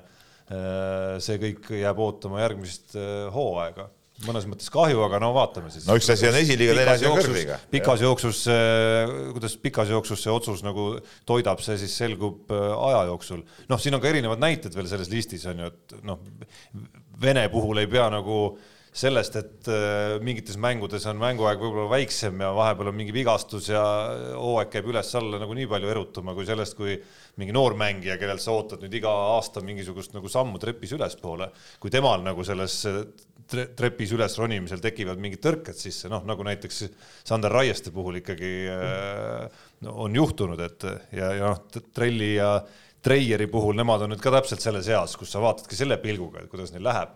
Trelli puhul olid siin jutud sellest, kuidas äkki ei ole teda vaja isegi seal ma ise selle viimase video tuules, mis siin ka ringles siis ja, ja kõvasti oh, see video möllu tegi, möllu tegi, ei, minu arust ei olnud seal ka midagi erilist ja see mingisugust totaalne ülereageerimine ja tundub, et ka nagu nii-öelda kontekstist välja rebimine, et no, klikke mulle, mulle hästi. nagu ja seda küll. mulle just nagu pigem tekib see lootus, et äh, jube tore oleks, kui ta ikkagi püsiks seal nüüd paigal, saaks selle korraliku Balkani treeneri äh, aastakese vähemalt kätte seal onju ja, ja see võib talle nagu päris kõvasti kasuks lõpuks. sest aasta lõpus lõpus tuleb paaris viimases mängus see nagu platsile ka jälle. ei no ta on nüüd ka saa, hakanud saama jälle. ma räägingi aasta lõpus jah. just, just.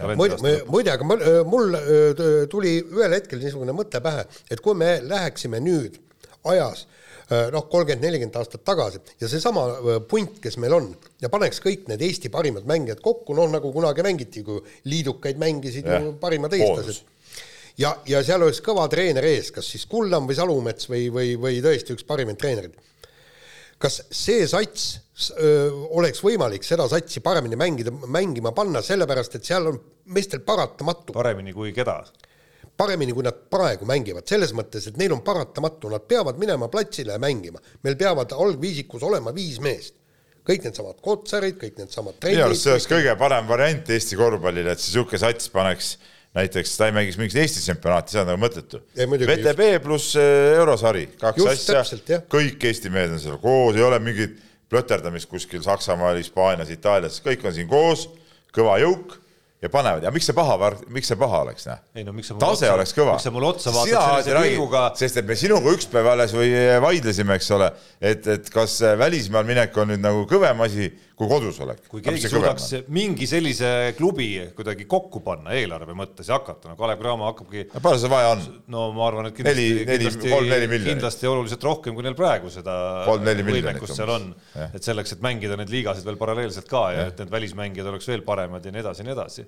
ja et nad suudaksid ahvatleda ka neid mängijaid siis koju tulema. Ma arvan, et korvpallisõber kindlasti rõõmustaks, no No kõiki kõiki nagunii sa ei suuda siia saada. ja miks? aga omal ajal Kalevisse iga kõik, ei läinud ju mängija- mehed ju no mis ju vabatahtlikult, on ju, mis saaks ju ei no no valikute vahe on ikka meeletu. mis vahe?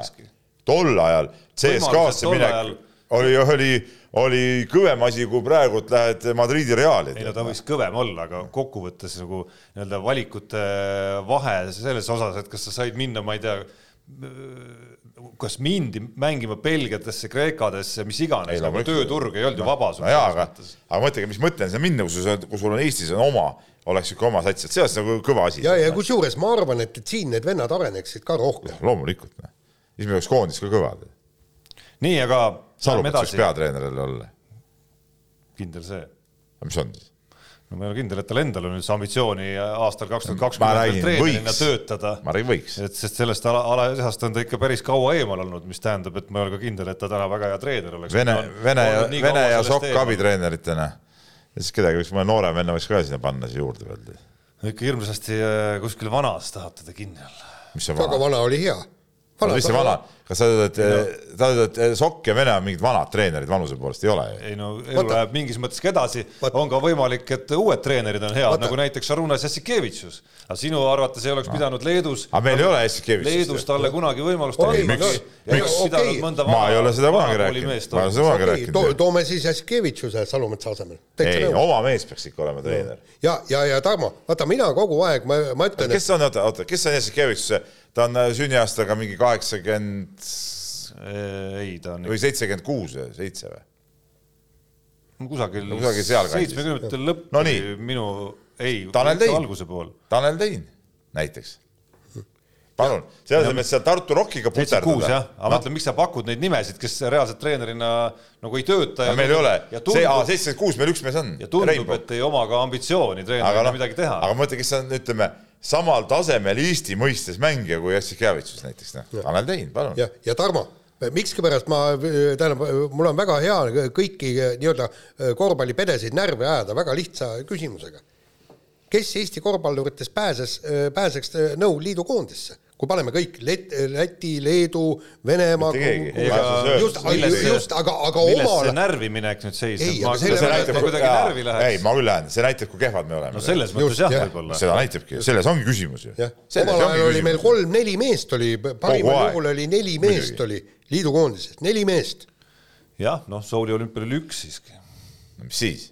aga oli ei üks, no ei olnud kolm-neli, noh, aga on üks, aga pole praegu, pole sedagi ju noh. Ega vist ei venita ei ole, ei, ei venita. ei venita küll kuidagi välja. lähedalegi ei venita. nii, lähme edasi. number kaheksateist, Mati Alaverist tuleb meil juttu ütleme siis topi ülemises otsas veel pikemalt, aga Aga kõva mees, kaks korda sai tabelisse. aasta lõpus saime tõdeda, et tema vaim ja keha tegelikult ka kimbutavad Eesti suusatamist edasi. Aivar Rehemaa sai temalt abi palumise eest ajutise võistluskeelu või ta, ta tegutsemiskeelu. noh, no ütleme niimoodi, et, et see oli noh, niisugune, ma olen Rehemaaga rääkinud ja, ja natukene noh, siit-sealt ka kuulnud ja, ja te- tegelikult noh, nagu ma, mina olen ikkagi aru saanud, et et see oli väga, väga jõuline Eesti Suusaliidu pressing, et, et, et Rehemaale keeld peale panna, et, et näpuga tema peale näidata kõik, et ta-ta-ta, eks, ja ja, ja tegelikult noh, Rehemaalt ka tegi selle vea, et, et hakkas oma advokaatidega mängima ja ma olen kuulnud ka seda, eks, et Eesti antidoping oleks tegelikult kohe öelnud, et case'i siin ei ole, aga kuna tuli advokaat mängu, siis pidi antidopingu distsiplinaarkomisjon ka omalt poolt äh, advokaadi võtma ja siis ja, ja noh, põhimõtteliselt vend saigi äh, süüst puhtaks. nüüd on mul kohe küsimus järgmine. miks Suusaliit ei ole sõlminud öö, Rehemaaga lepingut ja pannud ta Eesti koondise mänedžeriks, miks? see, see küsimus on õige, küll aga ma ei taha, et nüüd kuulajatele jääks kõlama selline asi nagu, nagu see oleks mingi puhas asi. mina ei arva, et see puhas värk oli. Selles suhtes, et minu arust äh, Rehemaa ja, ja sellega ma olen nõus, et tegelikult ta võiks nüüd olla koondise mänedžer küll, mul selle vastu pole midagi ja ta oskab seda asja ajada. aga see, et ta tegi ikka ülilollisti, ülilollisti. muidugi tegi lollisti. et ta selle eh, Alaveriga üldse ennast sidus, eks ole, nii. ja, ja ma siin nagu nüüd mingit, mingit Suusaliidu või antidopingu eksimust otseselt ei näe, mulle, minule tundus jälle see, see distsiplinaarkomisjoni otsus natuke kummaline et, et, et mis asja, mida oleks pidanud ennem hoiatama teda, aga mis hoiatada on teada on, et mees on ju, ju tegutsemas. ei no jaa, aga no. kohtulikud karistused, kuule, see ei saa olla kellelegi üllatus enam teadmatus ei, ei, ei vabasta nagu äh, ju äh, karistusest teadupärast, eks ole. või seaduse täitmisest no,. et selles kui... suhtes äh,, ei oota, rahu nüüd, rahu nüüd, noh. et selles suhtes äh, Rehemaa poolt ülirumal äh, tegutsemine, aga okei okay,, minu arust see oli õige, sai oma kuu aega seda või paljudel, paljudel oli siin poolteist seda keeldu kätte. Ja olgu, selle olekski võinud määrata siis keeld. Selle ajani, nüüd on see ära kantud ja nüüd lähme eludega edasi. õppetund, mitte nii, et midagi, mitte nii, et midagi ei olnud, sellega ma olen nõus, et midagi ei olnud. -hmm.. vot nii. just, aga, aga. aga nüüd võiks tõesti, las hakkab ajama seda koondise asja. Noh. just täpselt, kui, kui ta siiamaani ajas, ta ajas kolmele suusatajale. Aivar, sa kuulad ka kindlasti, ise pead tegema, mitte et see on jälle Alaver helistab seal kuskile või kirjutab. ja ise peab tegema. mis sa tahtsid rääkida? ei, puhas kuld. siin ei olnud jälle midagi. puhas kuld tuli, koht number seitseteist, Peep jaa, koht number seitseteist, puristan pasunat ka vahepeal. kusjuures ma vaatan, vaatan kella ka, et äh, paneme tempot ka juurde. No te räägite nii pikalt kõik ja ma pole saanud veel rääkima hakatagi. nii, aga koht number seitseteist, Rene Sahkna ja Regina Oja äh, tegid siis laskesuusatamise paaris teates nii-öelda imet ja said MK-etapil teise koha no tegelikult võimas värk. ei no aga kogu see, see võistlus ja kaasaelamine oligi võimas värk, aga kuidagi kuidagi ei saa nagu sellest teadmisest sealsamas nagu mööda, noh, kuidas tegelikult nüüd kalendriaasta kaks tuhat kakskümmend lõpuga noh, ei ole nad tegelikult äh, sellel tasemel, et seda kuidagimoodi korrata. no ega olgem ausad, see äh, segapaaris äh, teade, no eks ta on üks niisugune natuke kummaline ala ka jälle, tead noh, et seal nagu ei ole päris nii, et stardis on ma ei tea, Norra number üks ja number üks. ei no seal konkreetsel MK-etapil olid veel ja, need read eriti hõredad, meenutame. et, et eks see kõik on, aga alati ma ütlen nii, et äh, kõva mees on see, kes starti tuli ja, ja, ja ma selle peale väga tähelepanu ei pööraks, et seal olid need nii palju puudu, no mis siis olid aga teine koht jääb teiseks kohaks, ega seda keegi ära ei võta. ja teine, teine asi on ju see, et, et kui sulle võimalust pakutakse, siis ole mees ja võta. täpselt, noh. küll on olnud, küll on olnud neid pupujukusid ka, kes on äh, kandiku peal antakse ette ja, ja, ja pühivad selle käega tead minema, ei saa nagu ja, ära võetud. sellepärast, et seal oli, oli neid koondisi kui palju, eks, võitjad võtsid esikoha, meie omad võtsid teise koha ülejäänud kõigil oli see võimalus. ja absoluutselt, noh, viimasel ringil Regina Oja pidi sõitma veel nii, et silme eest must põhimõtteliselt ja sõitis päris korralike laskesuusatajate vastu selle koha välja endale. just, ja nüüd ootame, et, et nad kordaksid oma edu kahe aasta pärast olümpial. noh, noh, seda on näha olnud ju, see ei olnud selles mõttes pauk luuavarast, et seda, et see kombo selles võistlusformaadis äh, võib toimida päris hästi, olid nad suutnud näidata juba ka eelmistel võistlustel. Nüüd, mis on nagu aastalõpu seisuga see kurb osa on, et kui me vaatame kasvõi noorreporter Märt Roosna hiljutist äh, artiklit Eesti koondise konsultandiga, kus olid need äh, nii-öelda suusaaja kaotused või võidud või edasiminekud või tagasiminekud, siis me nägime, et et just Rene Tsahkna ja Regina Oja juures olid need numbrid võib-olla kõige mõtlemapanevamad. ehk siis, ehk siis seal on nagu väga suured küsimärgid, mis on tehtud, mis tuleks edasi teha, et, et sealt ikkagi see potentsiaal kuidagimoodi ühel hetkel, mingil tähtsamal hetkel kajastuks, kui ainult see üks paarist teate MK-etapp. nii on. nii, koht number kuusteist Anett Kontaveit jõudis Austraalia lahtistel tennisemeistrivõistlustel veerandfinaali ehk siis äh, astus jälle väikse sammu maailma tipule lähemale. aga see oli kukesamm, ma ütlen, see oli kukesamm. oli kukesamm, aga oli.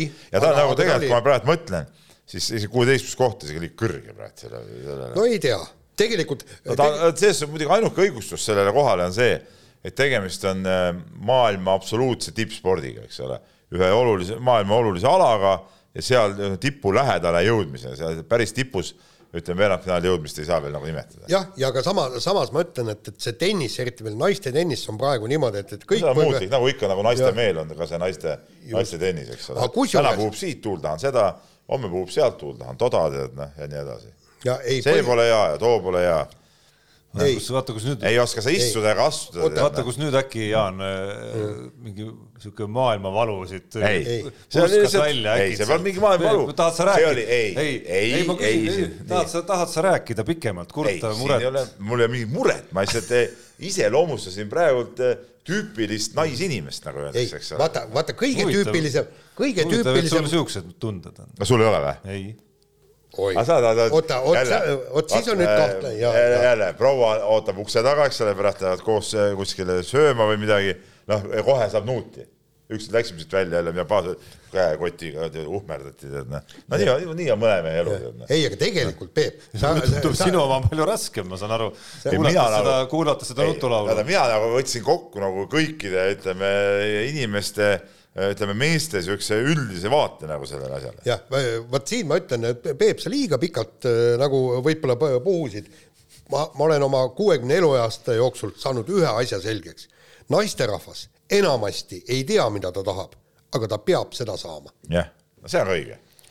minu arust on äh on kõik õigustused on, on praegu. ei no minu arust on oluliselt kuldsem ikkagi see ja ma imestan, Peep, et sa ei ole nagu aru saanud ja ikka räägid siin sellest muutlikust meelest, hoolimata sellest, et siin. ma ei tea isegi seda, mis nalja sa nüüd välja tood. see äh, ilus ümmargune number lõi sul äh, sel aastal ette.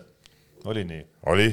nii seda suurt äh, prallet ootame ka siiamaani. no prallet saad teha, sa oled ju, sa ei julge külla tulla. Keila korvpallihoone oleks kinni pandud? ei, seal korvpallihoone ei olnud, aga oli juba, seal plaanid olid, aga no jäi kõik katki. suvel oli ju, koroona oli no, kadunud. suvel, ei no nüüd oli plaan, et siis äh, viiskümmend pluss üks nagu noh, et oleks nagu, nagu jälle nagu asjal pointi nagu. jah, nagu jah, oli nagu seitsekümmend viis pluss oli ju Gerd Kanter. jaa, aga ma tahtsin meenutada, jah, sa Peep tead ilmselt õigesti seda Kärna Ärni versiooni ikkagi, kuidas, kuidas meil ikka nagu kõik on äh, suurepärane. Äh, me näeme asju ka ühtemoodi, lihtsalt mul läks palju aega, et aru saada, et, et, et see nii on.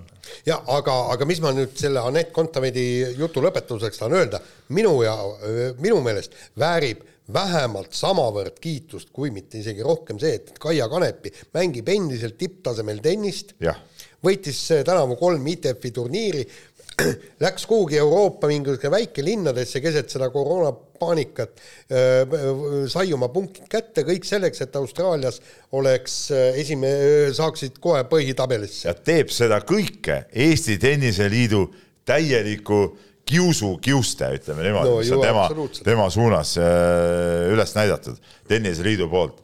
täielik to äh, tontlikkus, noh, täielik tontlikkus. on ju? on nii? nii, nii, aga meil on üks äh, vaheauhind, mis ootab üleandmist ja see vaheauhind tuleb mehele, kellest tuleb siin saate jooksul ka veel mitu korda juttu, ehk siis vähemalt sama, sama kõva mees, ei, isegi kõvem kui Mati Alaver ja see mees on Ott Tänak, kellele me anname aasta meelelahutaja auhinna millest Ott Tänak siin äh, kevade poole loobus tegelikult, kui äh, ajakiri Kroonika ja selle lugejad ta aasta meelelahutaja konkursil siis parimaks valisid, andis tema selle auhinna Kalev Kruusile, öeldes, et ta ei ole meelelahutaja, vaid on spordimees. ma usun, et mõttes ikkagi Tänak natukene nagu, nagu mõtleb ikkagi vahel ka, et oli mul vaja. oli mul vaja see ära anda, nii et me siin sümboolselt ikkagi anname, anname selle nagu uuesti. ja oli mul vaja veel eriti Kalev Kruusile seda anda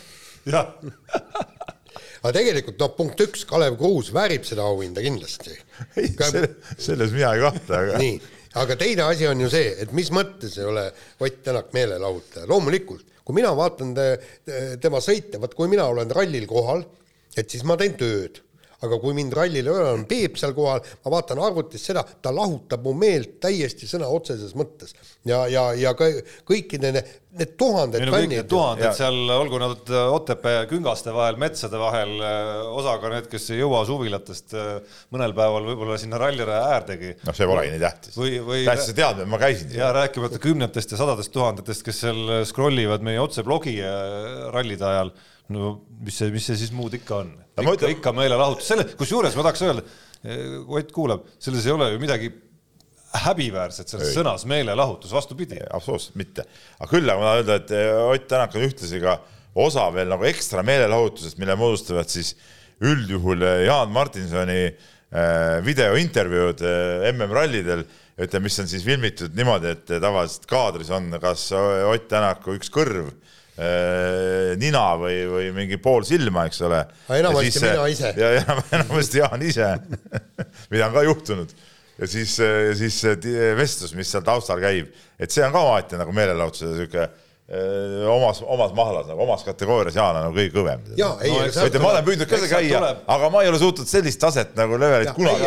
pluss, pluss ma juhiks tähelepanu minu arust ikkagi ja üks pool on see tehnilised nüansid seal. ei ma mõtlen, kogu see vestlus on aga, aga Jaanil ikkagi tuleb ka neid nagu, nagu sul, teil nagu kahe peale tandemine tuleb ja. ka siukest, ütleme, meelelahutuslikku hetki. ma tunnetan seda keemiat nagu selle, selle paari vahel nagu. ja, no Monte Carlos isegi oli olemas. jah, oli see keemia oli, oli olemas. just, aga, aga see kõik kannabki kokku, tähendab, kui ei oleks minu intervjuusid, kui ei oleks tegelikult noh, mingisuguseid noh väljasõite ja kõike, siis ei oleks see meelelahutus. jah, sest vaata, kui mina käin rallidel onju, mina teen siuksed asjalikud intervjuud, sportlikud, nagu spordimees on nagu higi. Peep, aasta meelelahutus. ei saa, ei ma räägingi, et see ongi, mind huvitab nagu spordi juures higi higi ja veel kord higi, mind see palagan. ja, ja sina hakkad higi, veri ja pisarad. ja siis tuleb Jaan, kes küsib, et et aga kuidas siis oli lennata seal no, täpselt, autos seal mitu korda üle katuse? aga mine lenda ise seal, saad teada, noh. väga lihtne minu arust, noh on ju noh. Nonii, ühesõnaga väärt tiitel väärt mehele, kohal number viisteist meie põhitabelis asuvad äh, meie B-vehklejad, naiskond siis eelkõige, kes enne kui äh, koroonaviirus aasta äh, tegemised pea peale pööras, jõudis langeda Barcelona MK-etapi üheteistkümnenda kohaga olümpiatabelis kuuendaks, mis tähendas ja tähendab tegelikult ilmselt praeguse hetkeseisuga endiselt et äh, Tokyo olümpiale jõudmise osas saatus ei ole päris meie enda kätes. tähendab, mitte ei ole päris, vaid ei, ei ole üldse. üldse enda kätes, vot see ongi see kõige-kõige hullem asi, et, et kuidas suudeti ennast niimoodi nurka värvida. ehk siis ühel hetkel peaks tulema vist, ma eeldan nii-öelda viimane, viimane, viimane olümpiapunktide jagamisel oluline võistlus, kus siis Egiptus ei tohi jõuda kuueteistkümne parema sekka või peab Itaalia kusagil seal natuke eespool mööduma USA-st. ma mäletan no, kevadel ma tegin selle tabeli selgeks endale korraks isegi, nüüd enam täpselt ei mäleta, aga on üks jaburamaid tabeleid, mida ma, mida ma eales äh, näinud no, ta ei ole jabur, tead, kui sa seda nagu vaatad äh, talle otsa ja sa tead, mida vaadata, siis on ei, ta oli nagu selles mõttes jabur, et et sealt tagant, kui kuidas see loogika oli seal? ei no seal on niimoodi. maailma, maailmajagude need ja, ja tippude asi ja kui need maailmajao tipud ei olnud piisavalt kõrgel, siis juhtus, et ei, seal on niimoodi, et, et maailma edetabeli neli paremat pääseb otse ja pärast seda maailmajagude just, ehk parimad. ehk siis näiteks USA, kui on seal esinelikus siis äh, sealt tagant kuskilt kaugustest tuleb Kanada veel sisse näiteks. ei, ei praegu on see, et, et äh, ei, praegu on küsimus on selles, et äh, kuna, kui äh, Ühendriigid on äh, just neljandal kohal ja siis on Itaalia, kes on viies, tema saab just, Euroopa just, koha ja. ja kui nüüd teistpidi läheb, siis saaks Eesti selle Euroopa koha ja. endale. nii, ja tagantpoolt on jälle see, mis Egiptusse puutub, on see, et äh, Aafrika parim, aga ta peab olema maailma edetabelis kuueteist parima riigi hulgas. ja praegu ta on seitsmeteistkümnes ja nii kui ta tõuseb ühe koha võrra ühe, ja seal see vahe oli päris väike. just, ja, ja selleks, et ühe koha võrra tõusta, peab ta täiesti absurdne, pääsema MK-etapil kuueteistkümne sekka. ja, ja, ja mis on kõige totram, on see, et kui nüüd tõesti märtsis toimub, maailm on koroonat täis, mis pagana põhjust on äh, nendel, kellel on juba, kellel on juba need kohad äh, olümpial olemas, miks nad peaksid äh, üldse kohale sõitma? jaa, aga siis ongi, aga siis ega kedagi süüdistada ka ei, ei ole. kedagi süüdistada ka ei ole, no ise ju käkerdati ära, noh, ise no, käkerdati ära, noh. just. kahjuks. kahjuks. nii aga nüüd lähme edasi, koht number neliteist, oleme siin jõudsate sammudega. Tund aega varsti on saadet juba olnud ja ja, ja, ja kümmekond, üksteist eh, kohta on juba ette loetud. Eh, meie siis selle aasta talisport ja, ja pigem siis nüüd juba siis niimoodi selle uue talve ehk praeguse talve alguse talisport, eh, Kristjan Ilves, kahevõistleja, peatonist Tuuli Tomingas ja, ja mägikotkas Arti Aigro kinnitasid siis aasta lõpus kanda oma alade top kolmekümnes, no vaata, kus me oleme langenud, eks ole, selles suhtes, et me vaimustame, kui keegi kinnitab kanda eh, top kolmekümnest. ei no tähendab, ta ei ole isegi võib-olla top kolmekümnes. kehtis no... see Aigro kohta nüüd, aga ütleme seal Ilves no, viies, top, eh, top kümnes, ütleme ikkagi on suht Just kindlalt ja no siis Tomingas, võistlusel siiski, ei ma ütlen no, enam-vähem, nii Jah., Tomingas siis ütleme top kakskümmend, kakskümmend viis. jaa, aga, aga tegelikult on vaata see eks see tase on nagu on. ei, aga vaata, sealt ma, ma kirjutasin ka ju aasta kokkuvõtte ja ma tõin sinna ka siis selle meie ega sinu aasta kokkuvõte oli ka nagu oli. no oligi, ma olen sinuga nõus, eks, et ei olnud nagu õieti aastat, eks. aga, aga seal on see, see, et, et kui me oleme nagu nii-öelda suusaspordis no Peep ei kaua mõelnud seda sinu kokkuvõtte juures, et ei olnud aastat, ma arvan, ta mõtles midagi muud, aga ei, ei, ei, ma saan aru, tähendab, oleks olnud aasta, oleks olnud ka kokkuvõte parem. nii, aga me oleme suusaspordis pidanud sedavõrd kaua seda tsölibaati ja äh, traditsioonilises su-, suusaspordis, meil ei ole nagu midagi õi- õigupoolest olnud. ei ole siin, viimati siin saadi punkte ja ei, ei, ja nüüd, kui tulevad Kristjan Ilves viies koht, taevamanna, kui vinge, kui äge, eks, Levandi ja Markvardi päevadel, noh, keitad õlgu ja pss, viies. kogu aeg kirusime, et, et Kehva. miks, jah, miks, miks Allar Levandi ei võitnud ühtegi MK-etappi ju. jah, jah, kogu aeg oli teine, igavene teine, võidab mingisuguse olümpial ainult pronksi ja siis Eesti öö, võistkond võidab öö, olümpial neljanda koha. me olime pahased, mäletad, olime? ei mäletan, mäletan, no ma mäletan isegi seda, et ega Allar Levandi pronksi puhul hinge jäi ju natukene ka see, et äh, nagu te mäletate, ta oli ju nagu vägev suusataja, eks ja ta sai ikkagi päris korraliku hüppetulemuse kirja ehk et oma nii-öelda nagu äh, a la Oberstdorfi MM-i sõiduga. no selline tunne oli, et mine sa tea, kust ta tõusta võiks. ei, mul seda lõpuks kui ta ikka pronksi sai kaheksakümne kaheksandal Ei, see oli vägev, siis see mul oli- nagu mingit eh, pettumustunnet küll ei Oli, olnud, seda oli, aga see, kuidagi seda nagu-, seda sõidu vaatamist ma mäletan väga selgelt. ma ei no sedasama mäletan ka mina päris selgelt, et et see läks päris närviliseks lõpuks seal, ka seda mäletan päris ja, ja kusjuures murdmaast ma ei räägigi, eks seal oli ju iga medal peale kulla oli ju põrumine, eks. ja nüüd meil pole aastaid midagi niisugust head olnud, loomulikult on, ma, ma tunnen küll rõõmu nii ka suusahüpete üle, Tuuli Toominga üle, Ilvese üle. iseenda üle, iseenda üle nagunii. noh, Steve'iga. no lihtsalt loo- loomulikult siin taustal on lootus kõigi nende kolme puhul, et see on lihtsalt üks samm praegu. elu on näidanud, et mingisuguseid ülisuuri hüppeid vähemalt Eesti sportlased väga harva teevad niimoodi, et ühel hetkel on maailma neljakümnendad, järgmisel hooajal on äh, seitsmendad näiteks. Noh, mõned suusatajad on- püsivalt ma mõtlen ja nii, et hiljem ei järgneks sellele võib-olla mingisuguseid äh, Pahandusi. aastaid hiljem mingisuguseid pahandusi, eks. et äh, kui sa täna on on su see latt viies, siis nagu Kristjan Ilvese puhul, siis, siis äkki varsti näeme, et see on kolmas juba ja nii edasi. nii, aga koht number kolmteist, Urmas Sõõrumaa valiti taas kord EOK presidendiks ja ja ta, ta ise imestas, et noh, et, et mida, mida teised nüüd arvasid, et miks ei peaks valitama ja, ja temal oli siis see äh, kumb, kumb Tõnistest äh, tal oli siis vastas? no kumb oli?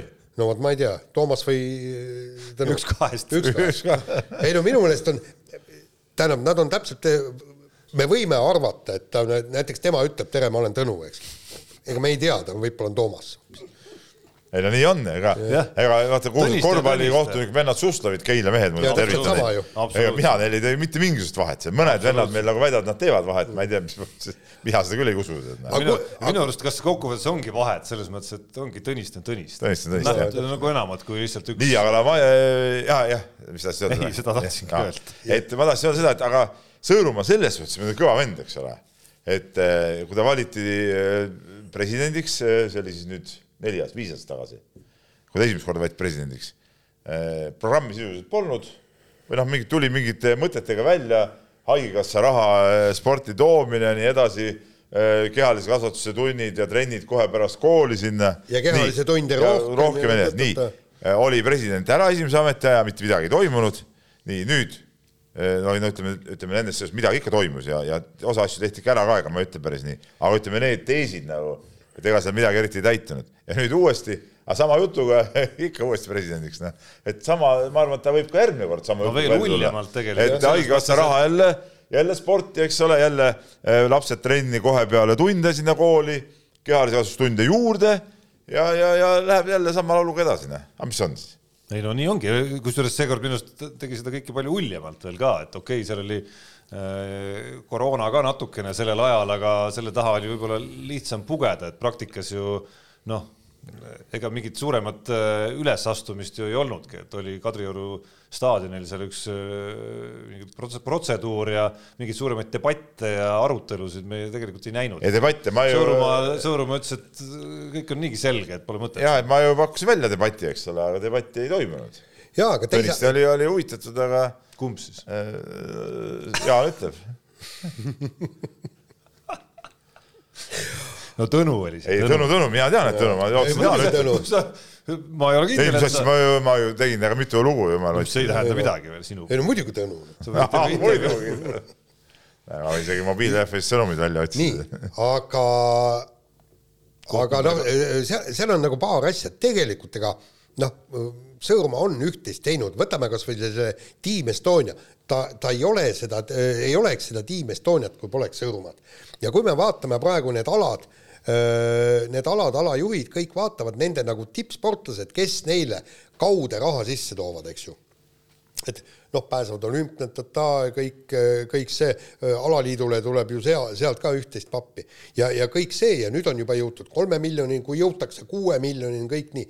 ja nüüd tuleb mees täiesti tühjalt kohalt tahtsin otsida vahepeal seda sõnumit, aga ma ei leidnud praegu üles kuidas see Sõrme vastas mulle. ma arvan, et kui ma oleks öelnud Toomas teile, siis ei, ei, ma otsin praegu samamoodi, et no jaa, muidugi Toomas. ma tahtsin otsida praegu Sõrme seda sõnumit. see, see, et, et, et praegu on lambi vennal, noh, tähendab, Tõniste ei ole lambi vend, nii, nii-öelda, aga see, et, et kui ta tahab tulla ja saada presidendiks, tal peab olema kindlad niisugused paberid kaasas, näed, ma garanteerin selle raha, näed, siin on Jüri Ratase allkiri, jah, näed, tõuseb äh, Team Estonia äh, eelarve nii ja nii palju, selle garanteerin, kolmanda garanteerin, neljanda garanteerin, ilma selleta sa võid nii hea vend olla, aga sa ei saa Sõõrumaale vastu. no pluss mulle tundub, et tal ka niisugust isiklikku rahakotti võib-olla peab olema, et seal äh, et vajadusel olla nagu..., olla toetanud või olla toetamas päris paljusid erinevaid ette-. no see, see ei ole isegi no, oluline. no see tuleb kindlasti kasu. ei, see, see tuleb, Jaan, see on väga oluline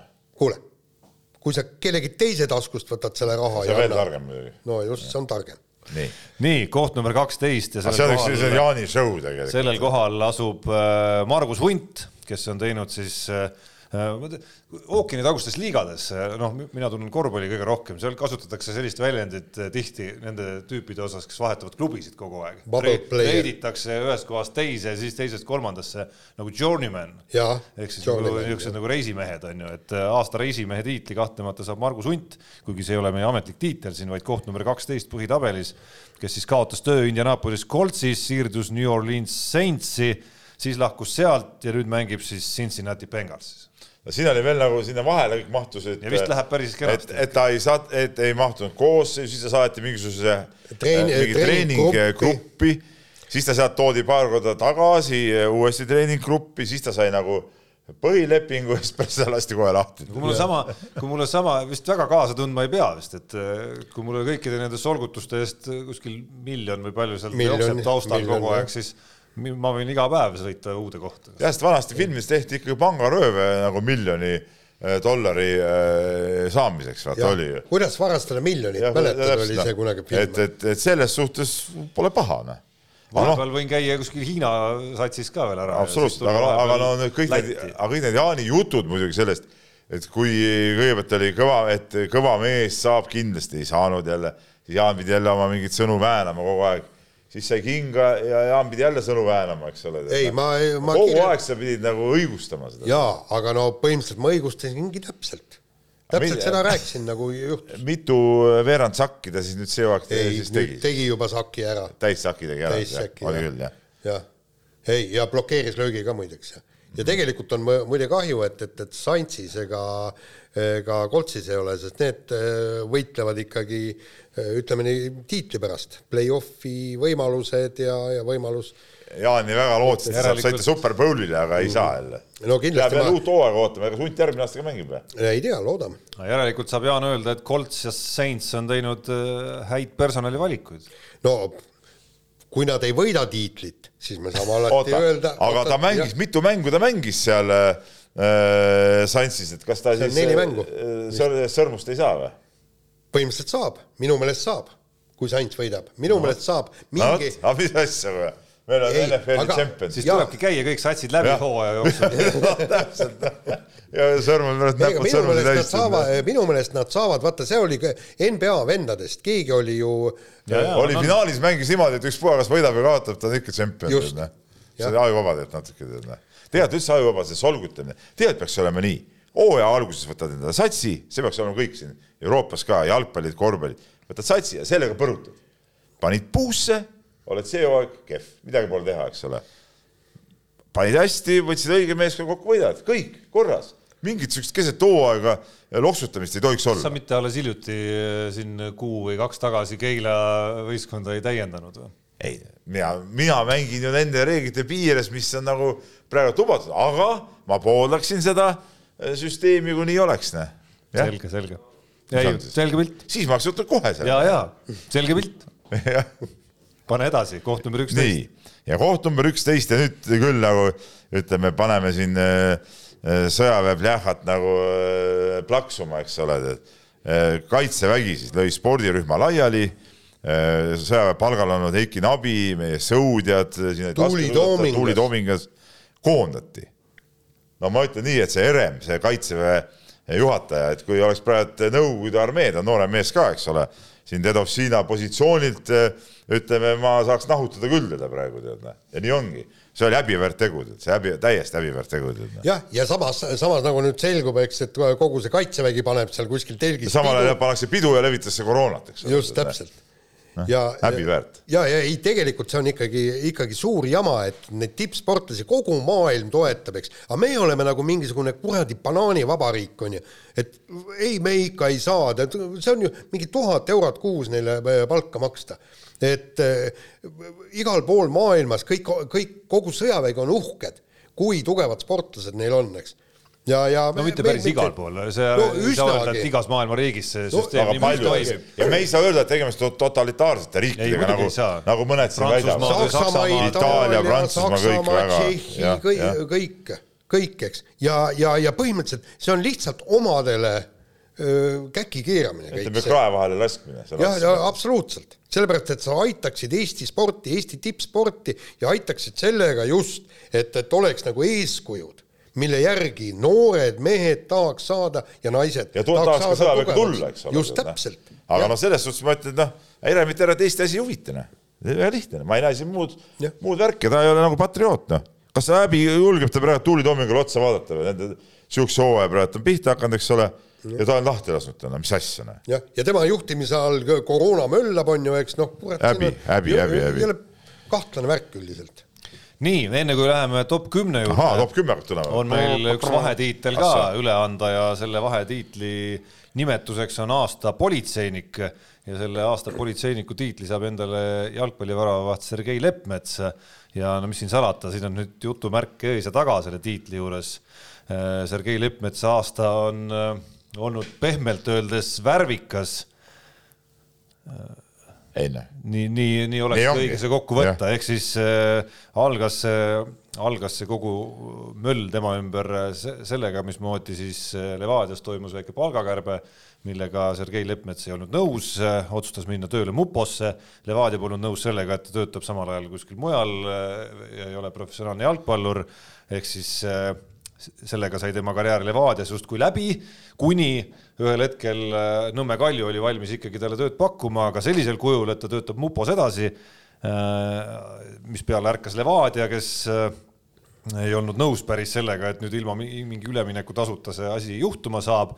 Ja no see asi puändina siis lõppes hoopis äh, ja kadus see jutt nagu nii-öelda pildist ära sel hetkel, kui tuli veel suvel uudis, et Sergei Leppmets oli ikkagi päris rängas joobes autoroolist tabatud. no aga no aga kui sihuke jamamine käib, no see paneb jooma ju. no midagi muud ei jää üle, noh, tegelikult no autoroolist võiks siiski suuta hoiduda. õige, õige võiks hoiduda, aga noh, võid küll muidugi. aga, aga no ega sa jokis peaga alati ei saa aru ka, mis teed. ma olen kogu aeg mõelnud, kusjuures tegelikult saad küll ju. Mis sa arvad, et ma ei ole olnud nagu purupurjus oma elus või No oled, ma olen isegi näinud, ma olen isegi näinud, aga võin kinnitada, aga mul ei tule mõtet, et istuks autorooli uhku äge noh. aga kas ei sul no jaa, aga sa, järelikult sa ei ole nii purjus, et su Jah. pea enam ei tööta. Mälleri sa oled olnud või? no selliseid äh, hetki kindlasti on olnud, kus ma mingeid osasid ööst ei mäleta. no aga sa ju ei tea, mis sa siis tegid. aga ei, ma tean, et võib-olla, võib-olla, võib-olla driftisid kuskil muruplatsi peal. muide, muide, meil oli isegi üks kunagine kolleeg rääkis, ma ei tea, kas, kas teie mäletate seda juttu või mis, et oli ka ja oli ise ära ehmatanud, oli ka kuskil olnud tõesti tõsine pidu ja, ja ütles niimoodi, et, et oli ühel hetkel leidis ennast autos ja kodu juures ja vahepealne osa oli täiesti mälust kadunud. ehk siis ta oli täiesti purjus istunud autosse, sõitnud kuidagimoodi koduni välja, mida oli mitu head kilomeetrit Tallinna linnas. Ja, ja ütles, et see oli ikka teda tõsiselt ära ehmatanud. aga noh, kogu see Mälleri värk, no siin muidugi võib, kogenum mees võib muidugi parandada, aga see käib kuidagi rohkem kuskile sinna noorpõlve juurde, et mingis vanuses ikka tekib nagu arusaamine, et okei okay,, kõik on väga hästi praegu, aga no nüüd võib võib-olla nagu mingi hetk võib-olla klaasi vett vahele teha. see ja võib ikkagi juhtuda ka ootamatult. ja vältida seda, et see asi nagu käest ära läheb. see võib juhtuda ka ootamatult, ilma et sa üldse saaks arugi sellest. jah, lihtsalt viin osutub ja. natuke kangemaks, kui sa eeldasid.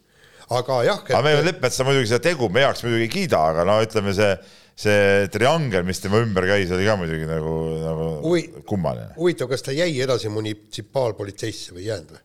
ikka peaks olema nojah. ei ja. ole kuulnud vähemalt, et ei oleks. ja palju sinna õiendama, siis on praegu kohe politsei ukse taga ja. nii. Läheme koha juurde number kümme ja Jaan juhatab selle sisse.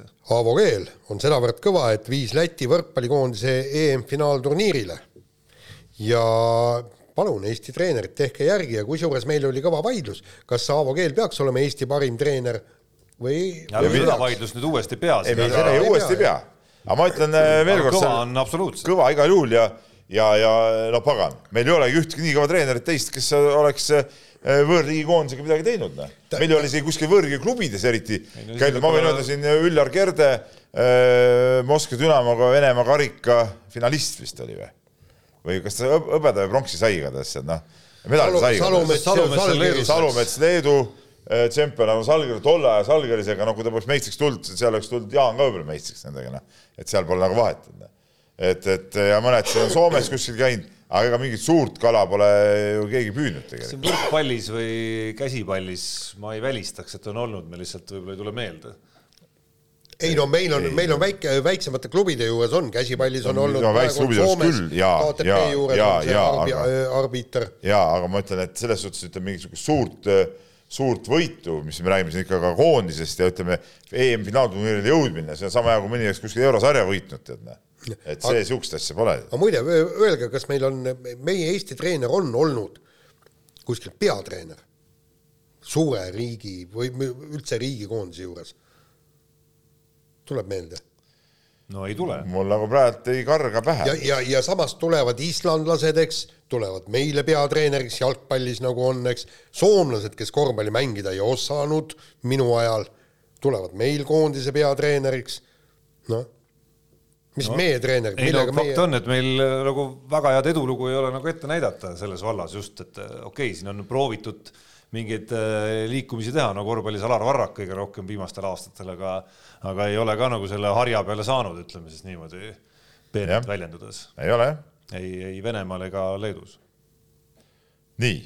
seda kõvem äh, see, et Aavo keelel õnnestus ikkagi naaberriigis küll, aga, aga, aga õnnestus midagi teha, et noh, selge, et ma arvan, et Läti, Lätisse pääseda on juba mingis mõttes lihtsam peatreeneriks, kui ma ei tea, kuskilt Kesk-Euroopast kuhugi. jälle, jälle, jälle. ei, ma ei taha pisendada sellega üldse, ma ei taha seda pisendada üldse, aga no ma arvan, et sa oled nõus sellega tegelikult. ei no mis siis, noh. aga mind huvitab see, et me ühist liigatki mängime et, äh, et äh, seda enam võiks nagu on, on nagu imelik, et meil on oma mees viib Läti koondise finaalturniirile ja siis samal ajal Eesti koondise peatreenerid üldse mingid välismaalased, no see on kummaline minu arust. keel no. nagu, Aavo Keel nagu Eesti koondise peatreeneriks ei sobinud. nii Tarmo, sina? Läheme koha number üheksa juurde ja sellele oleme paigutanud Eesti korvpallikoondise võidu Põhja-Makedoonia üle. üsna demonstratiivselt seda tegime, äh, rõhutades üle, et see oli ikkagi nagu sada korda kõvem saavutus kui suvel Leedu võitmine. no oh, kuhu me oleme jõudnud, võita mingit Põhja-Makedooniat ja selle me tõstame nii, niivõrd kõrgele no,. mina ei tea Põhja-Makedooniast midagi, mina tean seda, et võeti Makedooniat ja ma mäletan ka seda, et kui ma mina olen käinud ka Skopjes korvpallimängul, kui Eesti koondise särgis mängisid ka mehed, kellest äh, näiteks ühe nimi oli Martin Müürsepp. me olime koos. ja olime koos seal ja saime Makedoonia käest kätte. Gert Kullamäe ja Müürsepp ja kõik olid ja see oli oi-oi-oi, kui valus oli see. ja, ja Makedoonia, kas mitte Euroopa meistrivõistlustel siin jah, korraldati neljandaks äkki. jõudis päris kaugele. muuseas, ma olen, ma olen, ma olen Makedoonias ühte mängu veel vaadanud, kui mängiti, sinuga me käisime selles vanas väikses hallis. sellest järgmine kord, kui ma käisin Makedoonias korvpallikoondises, mängiti selles uues suuremas hallis ja ka siis saime paraja hüppe, hüppeliselt. ja, aga no selge on see, et ei et ole Makedoonia, olgu ta Põhja ja. või lihtsalt Makedoonia hetkel nii-öelda päris selle suurusjärgu meeskond ja, ja selge, et ka Eestil on minna sinna, kuhu tahaks lõpuks, et Eesti koondis oleks. aga, aga fakt, miks just see oli selle korvpalliaasta kõige märkimisväärsem ja tähtsam eh, saavutus, on kahtlemata selles, et, et tänu sellele võidule, võõrsil saadud võidule me oleme püsinud turniiri tabelis eh, läbi aasta, isegi pärast Venemaale kaotamist ja Itaaliale kaotamist ikkagi nii-öelda nagu kinni finaalturniiri kohas. no kinni oleme, aga ütleme siin eh, korraldasime ju kuulsa eh, mulli ka siin kodus ja, ja see ütleme seda kätte, mida me tahtsime, selle eest nagu ei saanud, noh et, et see kõik on praegu tore, et me saime selle võidu ja me tõstsime ta väga kõrgele kohale aga noh, tegelikult veel ju midagi otsustatud ei ole. No, ei muidugi et, mitte jah, lihtsalt kui nüüd nagu erinevaid nüüd... Neid fragmente sellest aastast kokku pannes, noh siis äh, et sa saad võõral väljakul Balkani satsi üle võidu kätte mängus, kus ette oli teada, et äh, see on alagrupist edasipääsu suhtes üks nagu nii-öelda nagu üks kahest finaalist tegelikult. ja siis on sul seal veel noor tagamees, kes viskab kolmkümmend üks punkti ka, noh, see ilmselgelt äh, kuigi eufooriat oli võib-olla natukene suvel rohkemgi Leedu alistamise ja Gerg Riisa vägitegude juures, mis olid ka ägedad kõik vaadata, siis noh, üks on ikkagi võistlusmäng, äh, nii-öelda tiitlivõistluste mäng ja teine on ikkagi sõprusmäng. no emotsionaalselt tore, aga sisuliselt mitte, mitte nii oluline igal juhul, et see on nagu fakt, noh, siin ei ole midagi vaielda isegi. koht number kaheksa. oot, oot, mul läks kompuutri ekraanil vahepeal. ei, ei, ma tean, ei, rahu, rahu. osava, ütleme, ütleme kompuutri asenduses vilunud noormehena piisas ühest näpuliigutusest, kui manasime õige asja ekraanile tagasi. nii, ja koht number kaheksa, lases mingit pasumat ka veel. Kaheksas koht. nii nagu selle kõige suuremas sõbras, mäletate, oli Postikanal oli see Amatõus. jah kes see kiremine ei tahtnud ja. väga välja nagu tulla. kas seda, kas sa praegu siin ütleme erinevate puhkpillide toone ei eristanud? mul kuidagi. siin oli, siin oli trompet, tromboon tuuba. ja oboe. Ja tuuba oli ka, ei olnud. tuubat ja oboe oli see oh,. no ma olen rohkem saksofoni fänn. saksofon tuleb pärast. saksofon tuleb siit rinna pealt. kuule, ja ei, aga Peep mäletad sa saksofon, meie ajal oli keelatud, mäletad? täna mängid saksofoni, homme reedad kodumaa. absoluutselt. jah, Nõukogude Liidu ajal, oli. see oli džäss ju. ja see oli džäss, jah. ja, ja see, see oli vihatud pilt no,. selles suhtes. sellepärast sul seda ei olegi käpas. sellepärast Tarmo ongi, ta on siuke euronoor armastab saksofoni. ja homme reedab kodumaal. ja, aru saanud, et ja on juba, on juba oma eurohulluses äh, ütleme siin, ütleme reeturlikkuse teele juba no, pöördunud, aga me veel võib-olla saame tal nagu äh, natist kinni ja tõmbame ta nagu õigele tagasi, õigele teele tagasi. patu peab omaks võtma küll, et äh, Nõukogude Sotsialistlike Vabariikide Liidu või kuidas see täisnimi oli, olen ma reetnud küll oma ja, aga kusjuures sa oled, sinu sünniriik on ju NSV Liit jaa, mul on olnud isegi punane pass, mingisugune no, eel, eelpassi mingisugune reisidokument. nii. nii. kuidas nii siis? oma no, sünniriigi. Soome ei saanud teistmoodi. sünniriigi. aga siis reetsin selle jah. reetsid sünniriigi. oligi enne, kõigepealt oli saksofon ja siis reetmine. ai, ai, ai, ai, nii, aga lähme edasi, koht number kaheksa, Jüri Vips meie vormelimees pääses siis keerulise aasta lõpetuseks vormel kaks sarjas poodiumile ja sai erandkorras täis superlitsentsi punktid ja pääses lõpuks ka vormel üks masinat testima ja tegi seda päris hästi tegelikult. no aga, aga, ei no selles küll, no ei olnud nagu mingit eh, fopaad, eks ole. aga, aga vormel ühte ikkagi ei pääsenud. pääsesid teised pupujukutid. jah, Yuki Tsunoda, jaapanlane, kes, kes alustas nagu eh, starti hiljem, üks aasta hiljem kui Jüri Vips, aga tema on nüüd igal juhul vormel ühes ja tegelikult on noh, ausalt öeldes on hea, et Jüri Vipsi teekond jätkub ja samas jälle see igavene küsimus, mille põrgu pärast oli vaja seda vaheaastat. oleks ta sõitnud samuti F2-te, oleks Red Bull ta sinnasamma F2-te pannud, oleks kõik olnud korras, kumb on parem, kas Tsunoda või Vips? ja, ja, ja palun, mees-mehe võitlus, võitja, võitja saab äh, rahulikult vormelisse, vormel ühte aga miskipärast oli ikkagi vaja mingi kuradi jama saata ta kuhugi Jaapanisse. nojah, aga ütleme sel hetkel, kui see otsus tehti, keegi ei teadnud, et see Jaapani sarja ei tule nagu. jaa, aga, aga kõik ümberringi, kui ma lugesin neid artikleid ja igal pool räägiti, lõpetage nüüd see pull ära, vormel kaks on väga kas sa tahad öelda, et ja, Helmut Marko öelda. on nagu loll mees või? no põhimõtteliselt tundub küll. tundub küll huvitav küll, kuidas tal siis nii hästi läinud on tiimidega? kus kohas tal on hästi läinud, miks ta peksab kogu aeg neid vendasid mära, neid Kaslisid ja, ja Alboneid ja, ja võtab jälle uue mehe, jälle lööb minema, eks, Danil Präti. otsib. no mis otsib, otsib, kui sa oled tark mees, sa ei katseta, sa võtad kohe õige venna, aga no sa ei tea sellest asjast. ta ka võttis hooaja jooksul. hooaja jooksul uue venna. ma ei võtnud kellegi asemele, ma, oih, ma võtsin juurde, noh juurde. katsu veel juurde võtta. aga koht number seitse. koht number seitse ja Eesti jalgpallikoondise itk ja valu ja peavalu ja ahvastus ja kõik, mis asjad need on. tegelikult ma jällegi oma aasta kokkuvõttes ütlen, minu jaoks valguskiirt ei paista. see, see on väga hea, et, et meil on noor väravavaht ja mängib Arsenalis ja kõik nii.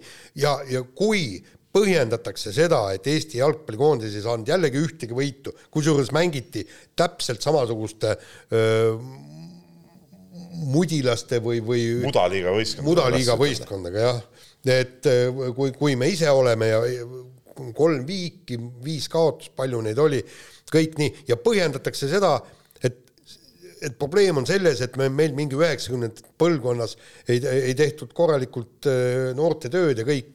no vabandage väga siis, me peame minema, minema. aga millega sa põhjendad siis? Ei no jaa, millega kas tehti siis korralikku tööd? ei no järelikult ei tehtud. aga mis sa hakkad nagu ründama? järelikult ei tehtud korralikku tööd? aga, aga ma tahtsin lihtsalt öelda, valguskiirt ei paiga äh,, ei paista. sellepärast, kui me miks? pole korralikku noortetööd teinud, järelikult me peame tulema ja kui me loeme kõiki nende aga meil oli mingi super U seitseteist koondis, kes võitis kõiki maailmas. kuma, aga nende kiired veel horisondi tagant välja ei paista. huvitav on see, huvitav on see, et Jaan, kes tavaliselt, kes on siin toonud välja mingid täiesti paduoptimistlikud mingid imesportlasi, keda, keda pole enne ega pärast. kohe hakkavad äh, no, ja kohe nüüd kohe tulevad, keda, aga keda pärast pole mitte keegi neist midagi kuulnud. nüüd järsku on tema taevas ka nagu täieliku äiksepilvega varjutatud. Noh. ja ei, tegelikult, tegelikult vaata see, et, et kui me loeme needsamad praegused treenerid, kui kõik kirjutavad, iga kuu üle nädala ilmub artiklid, kui meie omad ei tee, meie noored ei tee piisavalt trenni no kuskohast meil siis see ka koondis peaks hea olema? tõesti, meil on ainukene lootus, et meil tõesti noored lähevad kuhugi jalgpalliakadeemiatesse no,. lihtsalt küsimus muide... ongi nüüd selles, et nad on, nad on veel nagu nii-öelda sammu-kahe kaugusel, noh, ütleme siis nendest kahekümne kuni kahekümne viie aastastest mm., noh näiteks korvpalluritest, kes on nagu meeste satsides juba mm. mängivad ja küsimus on, kas nad mm. nagu inglise keeles make or break on ju mm.. et nemad on alles noorte satsides ja, ja saab alles näha, kas, kas nad üldse jõuavadki meeste satsi, neil on nagu see samm kõigepealt vaja ära teha, siis hakkab ka koondisel mingit abi olema nendest. muide, mis, mis selle treeningkoormuse juures oli, me olime jõulude aegu olime siis tütre juures ja, ja rääkisime, noh, pojaga Joosepiga arutasime, küsi-, küsisime, kuidas, kuidas trenni teeb, eks lapselaps on neljateistkümneselt, kolmeteist, neljateistaastaselt, eks ujujana, palju ta trenni teeb? kuus korda nädalas õhtuti, kolm korda nädalas hommikuti, kui nad lähevad, ta peab olema viis kolmkümmend, peab ujula ukse taga juba olema. ja õhtune trenn kestab kolm tundi ja hommikune trenn tund-poolteist. kui, kui sul on niisugune treeningkoormus, noh, miks, miks ei võiks näiteks need korvpallurid, jalgpallurid, ma tean, saaliaegu pole, eks. nojah neli pool tundi päevas trenni teha, kui ujujad saavad, kolmeteistaastased ujujad saavad teha neli pool tundi trenni päevas noh, see ongi see töö, mida, millest tegelikult ju jutt on, et klubid ja. ei suuda ütleme võimekamatele siis eh, nii-öelda tekitada selliseid tingimusi, kogu lugu. Lähed sinna kuskile Itaalia meistriliiga klubi noortesatsi ja, ja seal suudetakse. no kui palju meil on Itaalia meistriliiga klubi noortesatsides mehi? no hakkame lugema, ühe käe, ühe käe näppude kaupa pigem. meistrid enamus on ikkagi mingitel, eilegi just vestlesin ühe noor korvpalluriga kes meil on ka Keilast läinud, nende satsi esindus, nende klubi esindusvõistkond ikka ei. aa, okei, noh, ei, seda küll, aga ma ütlen, et on näiteks see, see CRC, noh, et, et noh, nii ongi, aga aga noh, eks tal ka no,. ei, oota, ma tahtsin öelda. on sattunud kindlasti nii korvpallureid kui jalgpallureid täiesti sellistesse kohtadesse, kus, kus ka ei tehta. ei, see ei ole, ei, ei, see on, ma ei räägi nüüd sellepärast, ma tahtsingi öelda, et, et ka sellel tasemel, kus esindussats on sul tõesti selles C-liigas, eks ole, on äh, see värk niimoodi, et äh, noortevõistkondadel on ikkagi omad treenerid, abitreenerid, füsod ja kõik, ütleme, niisugused nelja-viieteistaastaste võistkondades. et noh, see tase ongi nagu ikkagi teine jah, ja, ja tegelikult kui me tahame kuhugi jõuda, peame looma endal ka samasugused tingimused. aga meil nagu, meil nagu suhtutakse muuseas nende tingimuste loomisesse tegelikult liiga äh,, kuidas ma ütlen, nagu äh, võetakse seda kui ah, mis asja, et et saame niisamagi hakkama, eks ole, et see on nagu liiga nagu üle võlli. ei ole tegelikult, noh, tegelikult ei no, ole. muidugi ei ole. ei no kuidas ta saab üle võlli olla, kui sa tahad ma räägin sulle, kuidas suhtutakse no,. omaealistega maailmas, kes samal ajal teevad, see on ju hea paralleel, et sel ajal, kui ma ei tea, mina istun siin noorsportlasena, veedan aega siin laua taga, aga minu konkurent Hispaanias teeb trenni samal ajal, noh siis huvitav, kumb meist suurema tõenäosusega siis jõuab kuskile. nii. koht number kuus. Jõuame lõpuks koroonamaile lähemale, Saaremaa võrkpalliklubi kohtumine eurosarjas Milanoga, kaks kodumängu, millest siis noh, mitte ainult sellest, tagantjärele vaadates noh, võib-olla selle tähtsus ongi oluliselt väiksem, kui see nagu tegelikult oli, aga fakt on see, et nii-öelda esimese koroonalaine üks, üks olulisi verstaposte oli, olid need võrkpallimängud, Itaalia võrkpallurid siin ja Saaremaalt eh, üle käinud ja ka mandrile, mandrile levida aidanud siis koroonaviirus. no tegelikult on huvitav, ma olen abikaasaga ka rääkinud sellest, et kui me vaatame seda, kuidas oli see kevadine koroona esimene laine no,. see oli nali praegu. Oli, aga kui paaniliselt me sellesse suhtusime, mäletad, kui, kui seal vaidled kaks kuud oma, oma ütleme, valdustest välja sisuliselt. no just, täpselt, tähendab, kui no, sa läksid... ei julenud sünnipäevakingitust isegi kohale tooma tulla, jätsime äh, ei, auto, auto tuli, viis värava taha ja, ja, ja siis just. põgenes kiiresti, et jumala no, eest äh, kolmekümne meetri siis lähemale ei satuks. me läksime mere äärde jalutama ja siis vaatame, et seal on äh, neli autot, viis autot, eks. jõle palju ja, ja siis läksid ja siis, kui, kui inimene tuli vastu, siis läksid. Läks teisele poole teed, kui hoidsid hinge kinni või hinge kuskile teisele poole, jah. ja, ja, ja, ja tegelikult äh, just see vallavanema Madis Kallase see nii-öelda mahavõtmine sellepärast, et, et kõik see äh, jama toimus, eks. no see oli ka minu meelest debiilsus. ta küll ise astus lõpuks tagasi, aga, aga surve oli suur. Samamoodi oli siin ühes aastalõpu Õhtulehes olid mingid sporditiitleid jagatud ja kuidagi nagu Hanno Pevkurile minu arust oli seal visatud ka mingit äh, sellist nagu nuuti natukene, justkui ta oleks ka süüdi milleski, et ma olen siiamaani arvanud, kui keegi oleks pidanud seda ohtu nagu adekvaatselt tajuma, siis oleks pidanud need olema meie terviseametnikud.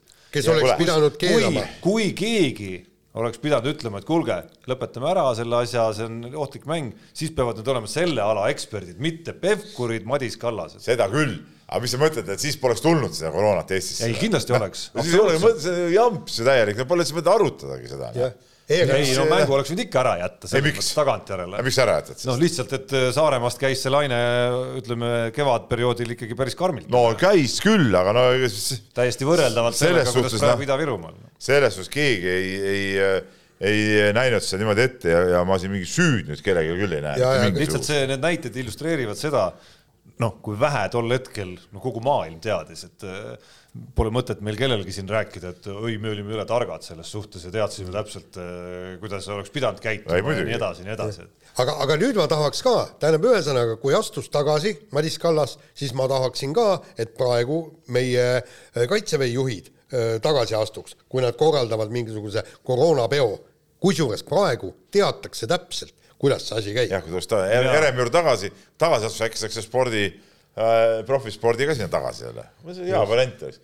peaks algatama siin äh, ajakirjanduses selle kampaania. no vot, head mõtted kohe aasta esimeses ja. saates, aga veel paremad mõtted tulevad nüüd, sest on äh, jäänud välja anda eelviimane selline äh, aasta Aa, eriauhind. aasta eriauhind veel ja see eelviimane auhind läheb meil aasta võitjale, kelleks on siis Andrus Värnik selle eest, et Andrus Värnik ei võta enam napsi, on aru saanud, milline see normaalne elu peaks välja nägema ja, ja kuidas poriauku enam mitte kukkuda. vot selle, sellega on selline lugu, mina ise käisin Andrusega seda lugu ka tegemas, Ants lasi väga tore temaga vestelda, Andrusega on alati tore vestelda, ka, ka ütleme vanadel aegadel aga see selleks, aga, aga ütleme siin üks ohu niisugune koht on, et, et loomulikult ma saan aru, et on siukseid inimesi, kes ei saa nagu tilkagi võtta, et siis läheb nagu käest ära ja, ja Andrus kuulus ka või kuulub ka selliste meeste hulka, nagu ta ise seda kinnitas. teisalt jälle tihtipeale ma olen näinud päris palju inimesi, kes kunagi on võtnud palju ja siis enam üldse ei võta. muutus kummaliseks nagu tead, noh, ma ei tea, mis inimestega juhtub, aga muutus kummaliseks inimesteks ja Värniku puhul ma seda muuseas ei täheldanud. aga võib-olla see oli see, et liiga vähe aega oli möödas sellest, kui see kõik pihta hakkas. Et, et ma loodan, et, et ta ei, et ta ei muutu sama kummaliseks, noh. et seal nagu mingi asi. sama kummaliseks nagu karsklased. Eh, no, no karsklased jah, et mingi asi seal jääb nagu, nagu kammitsema neid inimesi nagu ikkagi no,. ja noh, ja noh, karstus karstus iseenesest on ka ju okei okay., kui sul nüüd see tõesti ole meditsiiniliselt nagu näidustatud, siis karstus iseenesest on ikka üsna totter tegelikult ma ei leia ka selles midagi nagu hukkamõistvat. oh, mis mõttes ei ole? et mõnele see sobib, mõnele mitte. sa tead, et ma ei ole karsklane no,, aga ma ei leia selles midagi no, kummalist, kui no, kummaline on ta küll. kui keegi on otsustanud, et, et mul ei ole vaja seda no,. ma tean no, inimesi, kellele see ei maitsegi lihtsalt, alkohol lihtsalt ei maitse. ei no ega nüüd see, ütleme, viinuskit viskad, no kas ta nii maitseb sa paned külmad selle põmdi alla. kui ei teaks, täpselt nagu Libe ütles, no ikka, aga, aga aga kerget jokkis on ikka, ikka kurat mõnus ikka olla, midagi ei ütle. ei no teine asi. ja kohe tead, siuke meeleolu on selline kohe näpud jälle püsti ja, ja noh, nagu siin oli, tead noh, pauguvad raketid, noh, niimoodi käib asi. ei ole siis nii või? kuule, aga tegelikult te mõelge nüüd, mis Lätis toimub. nüüd on ju see, et, et ongi, uut aastat mitte mingit vastu ei võeta. ei, mis sa kodus saad ikka võtta. ei no jaa, kodus, aga sa ei tohi, sa võid ainult toas võtta. ei no aga normaalne inimene vaata elab oma majas. ei, sa ei tohi ka majast välja tulla. ei. oma aeda. oma aeda. aga kus sa, kus see kirjas on? kus see kirjas on, et ei tohi? ei no jaa, aga miks linnainimene. komandanditont kehtib ainult linnades. sul on talu, et sa ei tohi oma põllule minna, ikka tohid. põllule juba ma ei tea. ei, pärast, pärast kella kümmet õhtul pärast kella kümmet, ei miks, mikspärast siis, äh, kui linnainimene ei tohi oma majast välja tulla õue, siis miks maainimene no seepärast, et vaata, selles ongi see vahe, et maal elavad normaalsed inimesed, kes elavad maal ja nendel on nagu võimalused ka suuremad. ei, aga see on ju ikka. aga sinusugused tondid, äh, kuigi sul on võimalus ka maal elada, meie pärast elad linnas, sinusugused tondid, istuge oma, oma korteris, tead. ei, aga, aga, aga kuidas mina seal maal, kui ma lähen uksest välja vaata, ma ei nakata nagu mitte kedagi või Kuule, keegi ei nakata mind. see sul ka on, sa oled ikkagi aed linnas. no seda küll, aga mul on seal mets ikka ümberringi. õige maa, Peep, on ikka no, see, kui sa oled, äh, lähim naaber on sinust kilomeeter umbes. ja mets on vahel. millal me sellist maa, õiget maameest näeme lõpuks? sellist ka veel no absoluutselt, noh. ei no mulle sobiks. aga no kõigile ei sobi täpsustad natuke, kellele, ei, lihtsalt, kellele see ei sobi? ei no see sinu see... sõna ei olegi peres siis peal? ei on, ei muidugi on, see on muidugi, aga ma, ma nagu äh, arvestan teiste arvamusega ka. oota, aga siis äh, rakette ikka lastakse seal? raketid lasti ju, sa ei näinud siis? jah, läbi akna jah. nii, läheme koha juurde number viis meie põhitabelis. number viis, oota nüüd peab küll mingi, nüüd peab mingi teine signaal olema. number viis tuleb siit. luuletaja ka veel. jah poeet. minus on seda õrnahingelisust, eks ole, sai tunda ka, sellist lüürikat oli ka selles äh, praeguses väikses. ja no ma endiselt ootan sinult ka seda Tartust Riiga jalutuskäiku ka Kristjan Jaak Petersoni eeskujul. no see mees mõtles mingi jampsi jälle välja. see võiks olla niisugune jätk. ja koht number viis Ott Tänaku raju väljasõit Monte Carlo rallil, puudeladvad langesid, mehed jäid terves, kuid veetsid öö haiglas ja sinna see teine MM-tiitel läks, no Jaan, sina olid kohapeal, nägid kogu seda rajusust öö, oma eheduses nagu sealt, et kuidas see oli? no ma nägin samamoodi teleekraanilt, aga ausalt öeldes see ongi see, ma tahtsin, ütle lihtsalt vahele, see ongi see vahe, et kui Jaan, Jaan käib kohapeal, ega tema ju kunagi raja ääres ei käi, mina käin alati vähemalt no sina korra oleks Montes olnud täpselt selle täpselt koha. seal, ikka, alati. põhimõtteliselt see auto oleks üle sinu pea lennanud. jah vaata kui hea kaader oleks. oleks saanud reportaaži ja. ja oleks videosse ka saanud. täpselt, ma oleks jõudnud vahel välja täpselt niimoodi ja, ja tegelikult olgem, olgem ausad, et, et see oli ikka päris, päris õõvastav, õõvastav hetk, kui see auto sealt teele läks ja see noh, see, mis seal pressiruumis tead, jopp Antonio, mis toimub, keegi ei tea ju, kuhu nad lendavad, kuidas nad lendavad, aga siis, siis kui oli näha juba pardakaamerast, et, et et, et vennad on vähemalt terved ja noh, probleemi ei ole, et, et siis oli ikkagi tõesti õhkasid, et, et noh, vähemalt nüüd on kõik korras, et. No tegelikult see, see õhulend ja vaata, seal ongi niimoodi, et ta ju kadus, võttis selle puuladva maha ja siis läks sinna ja see auto ju veeres ikka veel tükk aega ja siis katus selle kuhugi alumisele teele. Mm. -hmm maandus, et, et ütleme niimoodi, kui Ott Tänak äh, neid avariisid teeb, siis need on ikka tõesti rajud, üks on see Järvesõit oli ka samamoodi, et ja, ja, ja ausalt öeldes, kuidas need autod on nii ehitatud, et kõigest sellest tervelt välja tuled, et äh, noh, see annab kindlasti sõitjatele julgust ja, ja noh, teisest küljest on imeteldav äh, ju, üks asi on sealt autost eluga välja tulemine, aga teisest küljest on äh, nii-öelda lähevad päevad mööda, nädalad mööda ja, ja sõidad sama kiiresti edasi. no see ongi point, et sa pead kohe roolis, see oli, mäletad, sama jutt oli ka, kui Neuvill eelmine aasta Tšiilis selle metsiku avarii tegi, ka sama jutt oli, et kohe on vaja rooli istuda, kohe on vaja rooli istuda, et siis sa saad sellest nagu üle. et kui see vahe läheb pikaks, see pidi kuidagi nagu nagu peas hakkama liiga palju keerlema, siis on nagu raskem. no Tänaku MM-sarja arvestuse kolmas koht meie tabelis jäi nagu eraldi ära markeerimata Äh, pigem saab markeeritud siinsamas peatükis praegu äh, see lause, mis sa sissejuhatuses, Peep, ütlesid, et justkui sinna läkski siis meie nagu nii-öelda tiitel, noh tegelikult vist päris paika ikkagi ei pea, et Rally Estonia järel, Rally Estonia võitmise järel ei olnud see tiitel kuhugi kadunud. ei no sina ei kirjutanud selle lause siia. ei, mina kirjutasin, ei mina kirjutasin, ei noh, tege-, tegelikult olge, vaadake seda punkti vahet kui seal, seal oleks saanud ikkagi korralikult äh, teise, kas või teise-kolmanda koha punktid, hoopis teine asi oleks äh, olnud ja, ja, ja vaata, milles asi on, et see oli nüüd see koht. ei no samamoodi saab öelda, et Türki läks. ei, saad aru, siin oli Ott Tänakul kõik võimalused teha, et seda väljasõitu ei juhtuks, ehk siis legendis oleks pidanud need nii-öelda teekonarused kirjas olema. see, et, et sul masin ära laguneb, sinna ei saa Ott Tänak mitte midagi parata aga see oli võimalus endal see olukord nii-öelda ära päästa. Nonii. nii, aga nüüd Jaan Sealed edasi. meil kaude veel juttu ikkagi. just, aga nüüd siis äh, koht number neli, jah? jaa. Äh, kindral Mati Alaver äh, avalikustas, tegelikult tema ei avalikustanud, avalikustati tema kohtutoimik ja seal oli päris põnevat lugemist, Peebuga töötasime.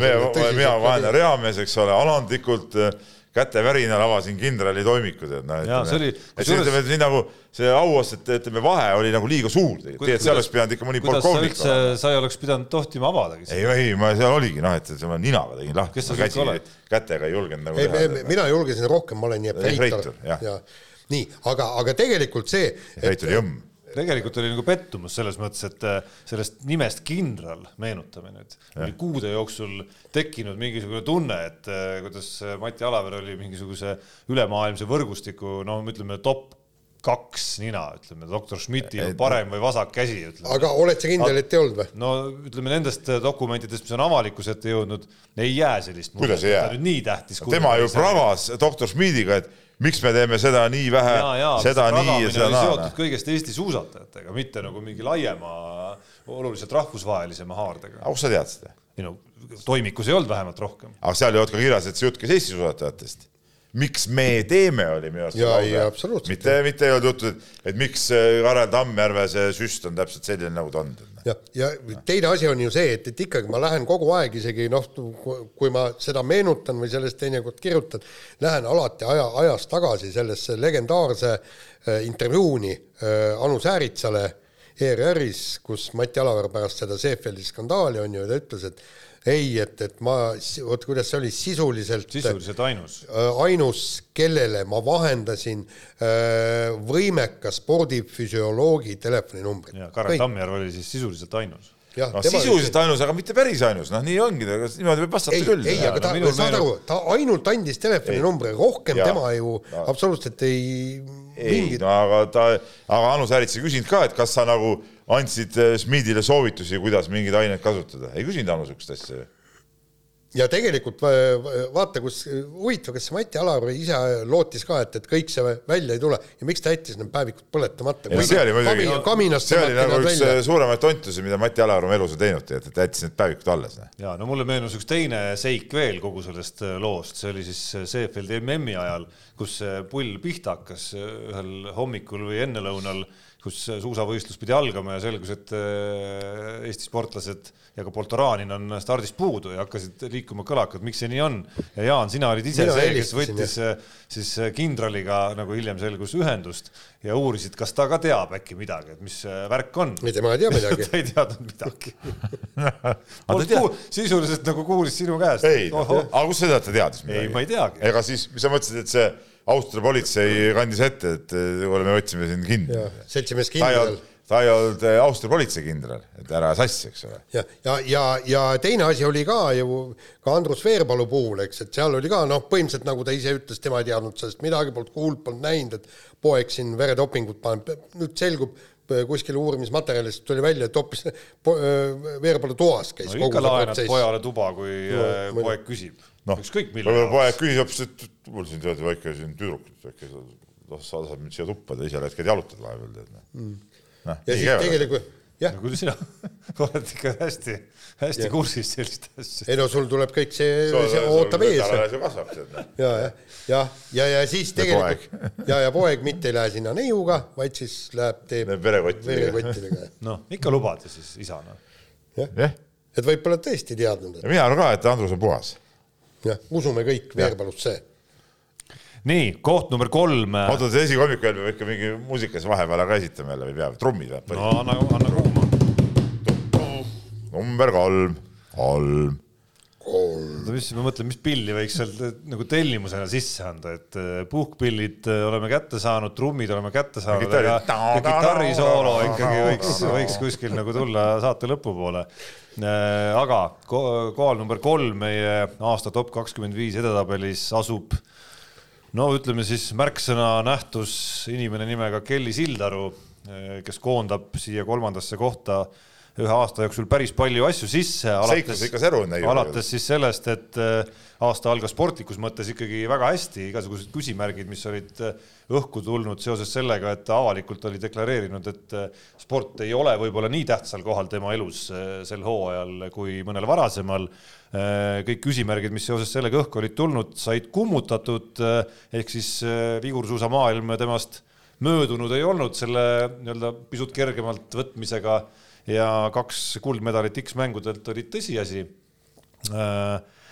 sinna kaasa käis siis ka treeneri vahetus, Mihkel Ustav asus tema ütleme siis, ta räägib asjast, isa asemel hakkas treenima poissõber, mis muuseas selles vanuses on ka loogiline, eks ole, et sa nagu enam ei, ei tee isa sõnade järgi, vaid teed ütleme mehe sõnade järgi, ütleme siis sa uue ülemuse saad endale. just ja siis, ahaa, nüüd oled ülemus jälle.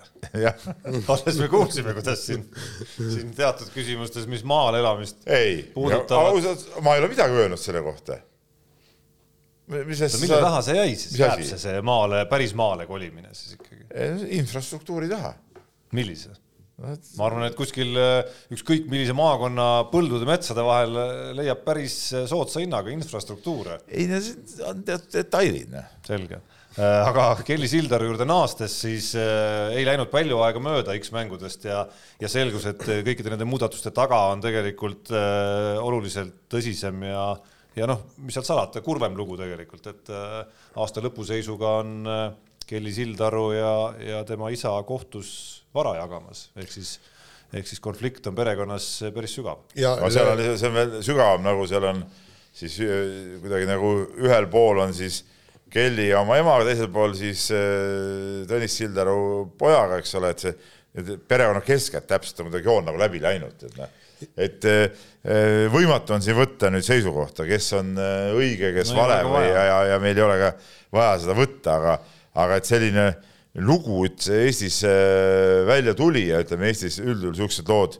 noh, ei ole väga palju olnud, eks ole, et see on nagu ikkagi erakordne, tead noh, ja, ja., see tekitas ka see lugu iseenesest, kui me selle lugu kirjutasime, tekitas ka lugejates ikkagi nagu erakordse huvi muidugi, tead, no see näitabki seda, et, et ikkagi spordist tähtsam on tegelikult kõik see kollasem pool lugejate jaoks. ja, ja teine no, antud juhul see pool, olgem ausad, mõjutab päris palju ka seda, mida siis Kelly teeb või ei tee sportlasena. no kas ta mõjutab? lõpuks. No aga... oma treener on vahetunud näiteks. no jaa, aga aga me ju ei tea, kas see on halvemaks või paremaks midagi teinud. no ütleme niimoodi, et, et kindlasti ilma isata ei oleks Kelly see, mis ta praegu on, eks, ja, ja, ja, ja tegelikult noh, minu jaoks on kohati kummaline, et, et kui, kui, kui sügavalt tigedad need inimesed äh, teineteise vastu on, kui nad hakkavad, nad ei jõua kokkuleppele, hakkavad seda äh, vara kohtus jagama ja, ja kõik, kõik muu, et et seal on ikka väga tõsine konflikt seal vahel olnud no suhted no võta kipuvad, kipuvad minema elus. jah, vot näed, mul on see õnn, et, et, et, et mul ei ole niisuguseid suhteid olnud ja ma ei ole kellegagi mingit vihavaenu pidanud, eks, ja, ja sellepärast ma ei oskagi öelda, et noh, minu jaoks on see kummaline aga miks sa mind just tassiga viskasid, kui sa mind viha, vihavaenu pole pidanud? no aga me saame siiamaani hästi läbi ja me ei hakka sinuga ma, ma kaalusin, ma kaalusin sügavalt seda ja, ja kuule, vaata, ja kusjuures vaata, kui hästi ma öö, inimestega läbi saan. see kohvi lendas ju Valdo Jahilo lumivalgele jopele ja ma olin valmis selle keemilisse andma, eks. aga ta isegi seda ei, ei soovinud, sellepärast et noh, ma olen nii tore inimene no tal hakkas kahju lihtsalt, ma arvan. kas me nüüd siit pidime järeldama, et Jaan, Jaan tahtis ütelda seda, et et Sildarud ei ole nii toredad inimesed või? ei, ma tahan seda öelda, et, et seal on ikka väga-väga must kass sealt vahelt läbi jooksnud. et me võib-olla kõik ei tea, aga tont sellega. nojah, seal on see jama on see, et nagu, et nagu mingit mõistlikku lahendust ka ei ole, et see kohus ei ole kindlasti kõige. ei no eks tuleb läbi vaielda kuidagi ja, ja noh, kokkuvõttes kuskil kumab ju mingisugune lootus, ma arvan, igale eestlasele, et, et, et kui saadakse need asjad, asjad ära klaaritud, siis suudetakse võib-olla ülejäänud elu nagu mingil moel ikkagi edasi suhelda, et isa jääb alati isaks, tütar jääb tütreks, poeg jääb pojaks ja vend jääb vennaks ja nii edasi, et et ma ei kujuta ette, mismoodi on võimalik seda asja seal nagu lappida nüüd edasi, aga ma loodan väga, et nad, et kuidagi sinnamaani jõutakse ikkagi mis veel Valdo Jahilat puudutab, siis sa võib-olla ei saanud aru lihtsalt. Valdo Jahila teadupärast on ju kõva naljamees. et kui ta ütles, et las ta olla, siis ta tegelikult mõtles midagi muud. Valdo Jahila on ju muuseas minu, minu valla mees nüüd, ta elab Paldiskis muuseas. lisaks on Valdo Jahila töö, töötamas ilmateenistuses ehk siis on siis nagu ilmajaama kommunikatsiooniga tegelemas. Ah, seda ma ei teadnud. olen sel aastal temaga suhelnud. ma teadsin, et ta teeb kogu aeg ultrajookse ja ta on kolinud koos äh, prouaga Paldiskisse, minu arust, kas ta ostis mingi maja seal või, või, või mingi ja, asja. kusjuures ma ei üldse ei imesta. Ilmavaatlusteks hea koht. ja, ja, ja see on väga, väga kaunis koht tegelikult. ütleme need, kes eelarvamusega suhtuvad, siis on sügavalt e-, eksiteel muidugi. ma ei välistaks üldse, et võib-olla läheb aasta kümme, kakskümmend kuumemaid äh, nii-öelda nagu elupaikasid üldse. no ütleme niimoodi, et seal on nii ja naa. tuumareaktor võib ka kuumaks minna selle all, mis muide, ma ütlen, et, et ma ei imesta, et Valdo Jahilo töötab ilmateenistuses, see ilm on ikka paras nali küll viimasel ajal olnud, ja teine asi, me käisime äh, Paldiskis vist eelmine aasta käisime vaatamas, seal mere äärde ju inimesed ei saa, raudtee on ju vahel seal on ju, seal on täielik kuradi jama. me tahtsime minna mere äärde, ei ole kuskilt minna. sealt autotee läheb sealt väljapoolt. ei, seal äh,. ei, ma, jaa, no jumal küll, ma tean väga hästi, kus, kus sa saab ujuda ma jumal, see on ikkagi no, minu koduvald. ja ei, ma tean. okei, see on see Värdla valla üks osa tead. ja, aga meie ei leidnud ja Korraks ma lugesin. koduvald, koduvald. ja, ja, ja kus, kusjuures ma ju lugesin. saime ka nagu mereriigiks nagu. oli, oli ju see artikkel, et, et kohalikud ei pääse mere juurde, võib-olla tõesti ei, autoga. autoga saab, teineteist autoga saab jah, aga seal on. ei no teine variant, et lähed sealt pangast taskust köiega alla noh. no ei, no hüppad alla noh. ja, pärast ronid. ei, ronijätust pärast enam ei ole lihtsalt, aga korra saad hüpata. nojah korra saad hüpata, ütleme nii. eeshutvatust no, võib-olla ei kuule või noh, viimane heli su kõrvus. merevald, kuulsite? ei, mereriik. Peep on merevallas. nii, aga nüüd eh, koht number kaks. nüüd peaks mingi kitarrisoolo siin. see oli selline me, meie mehe tasemel kitarri, mitte Led Zeppelin. ei, kuule, see, see oli ikkagi, mul tuli. see oli kõva praegu. Visioleri peata, mäletad no,? ja mäletan, mäletan ikka. jah, vot see oligi. nii, ja jälle kurb teema või paha teema, ütleme, meil on siin esikolmikus nagu keerulised teemad seekord, kui kui oli siin perekonnadraama, siis nüüd on nagu ülemaailmne draama ja no, koroonaviirus, koroonaviirus, ära ütle ette ära, noh. koroonaviirus pööras maailma spordi pea peale, ära ei, ära ei kamula aga võistlusi eesotsas siis Tokyo olümpiamängudega, igaste EM-finaalturniiridega ja, ja, ja asjadega. Ja, ja ütleme, see mõjutas Eesti sporti ikka päris kõvasti, meie sportlastel oli päris palju tegemata noh, mõned alad tulid asjast paremini välja mõned kehvemini. ütleme niimoodi, et, et lõppkokkuvõttes taastus see sport ikkagi palju kiiremini ja palju paremini, kui me tegelikult äh, tol kevadel ootasime, seal oli üldse, et, et me ei tea, mis edasi saab ja kus ja mis ja ja aga, aga muidugi kõige kurvem on ju see, et, et kõik need võistlused ära jäid. Kergejõustik, eks. no kergejõustik äh, tagantjärele vaadates on olnud nagu üks suuremaid kaotajaid isegi et.... ja kaotab edasi ja.. jah olümpia jäi ära, jäähoki MM, jalgpalli no,. olümpia äramine on ka kergejõustiku jaoks üks suuremaid kaotusi üldse noh, et, et noh.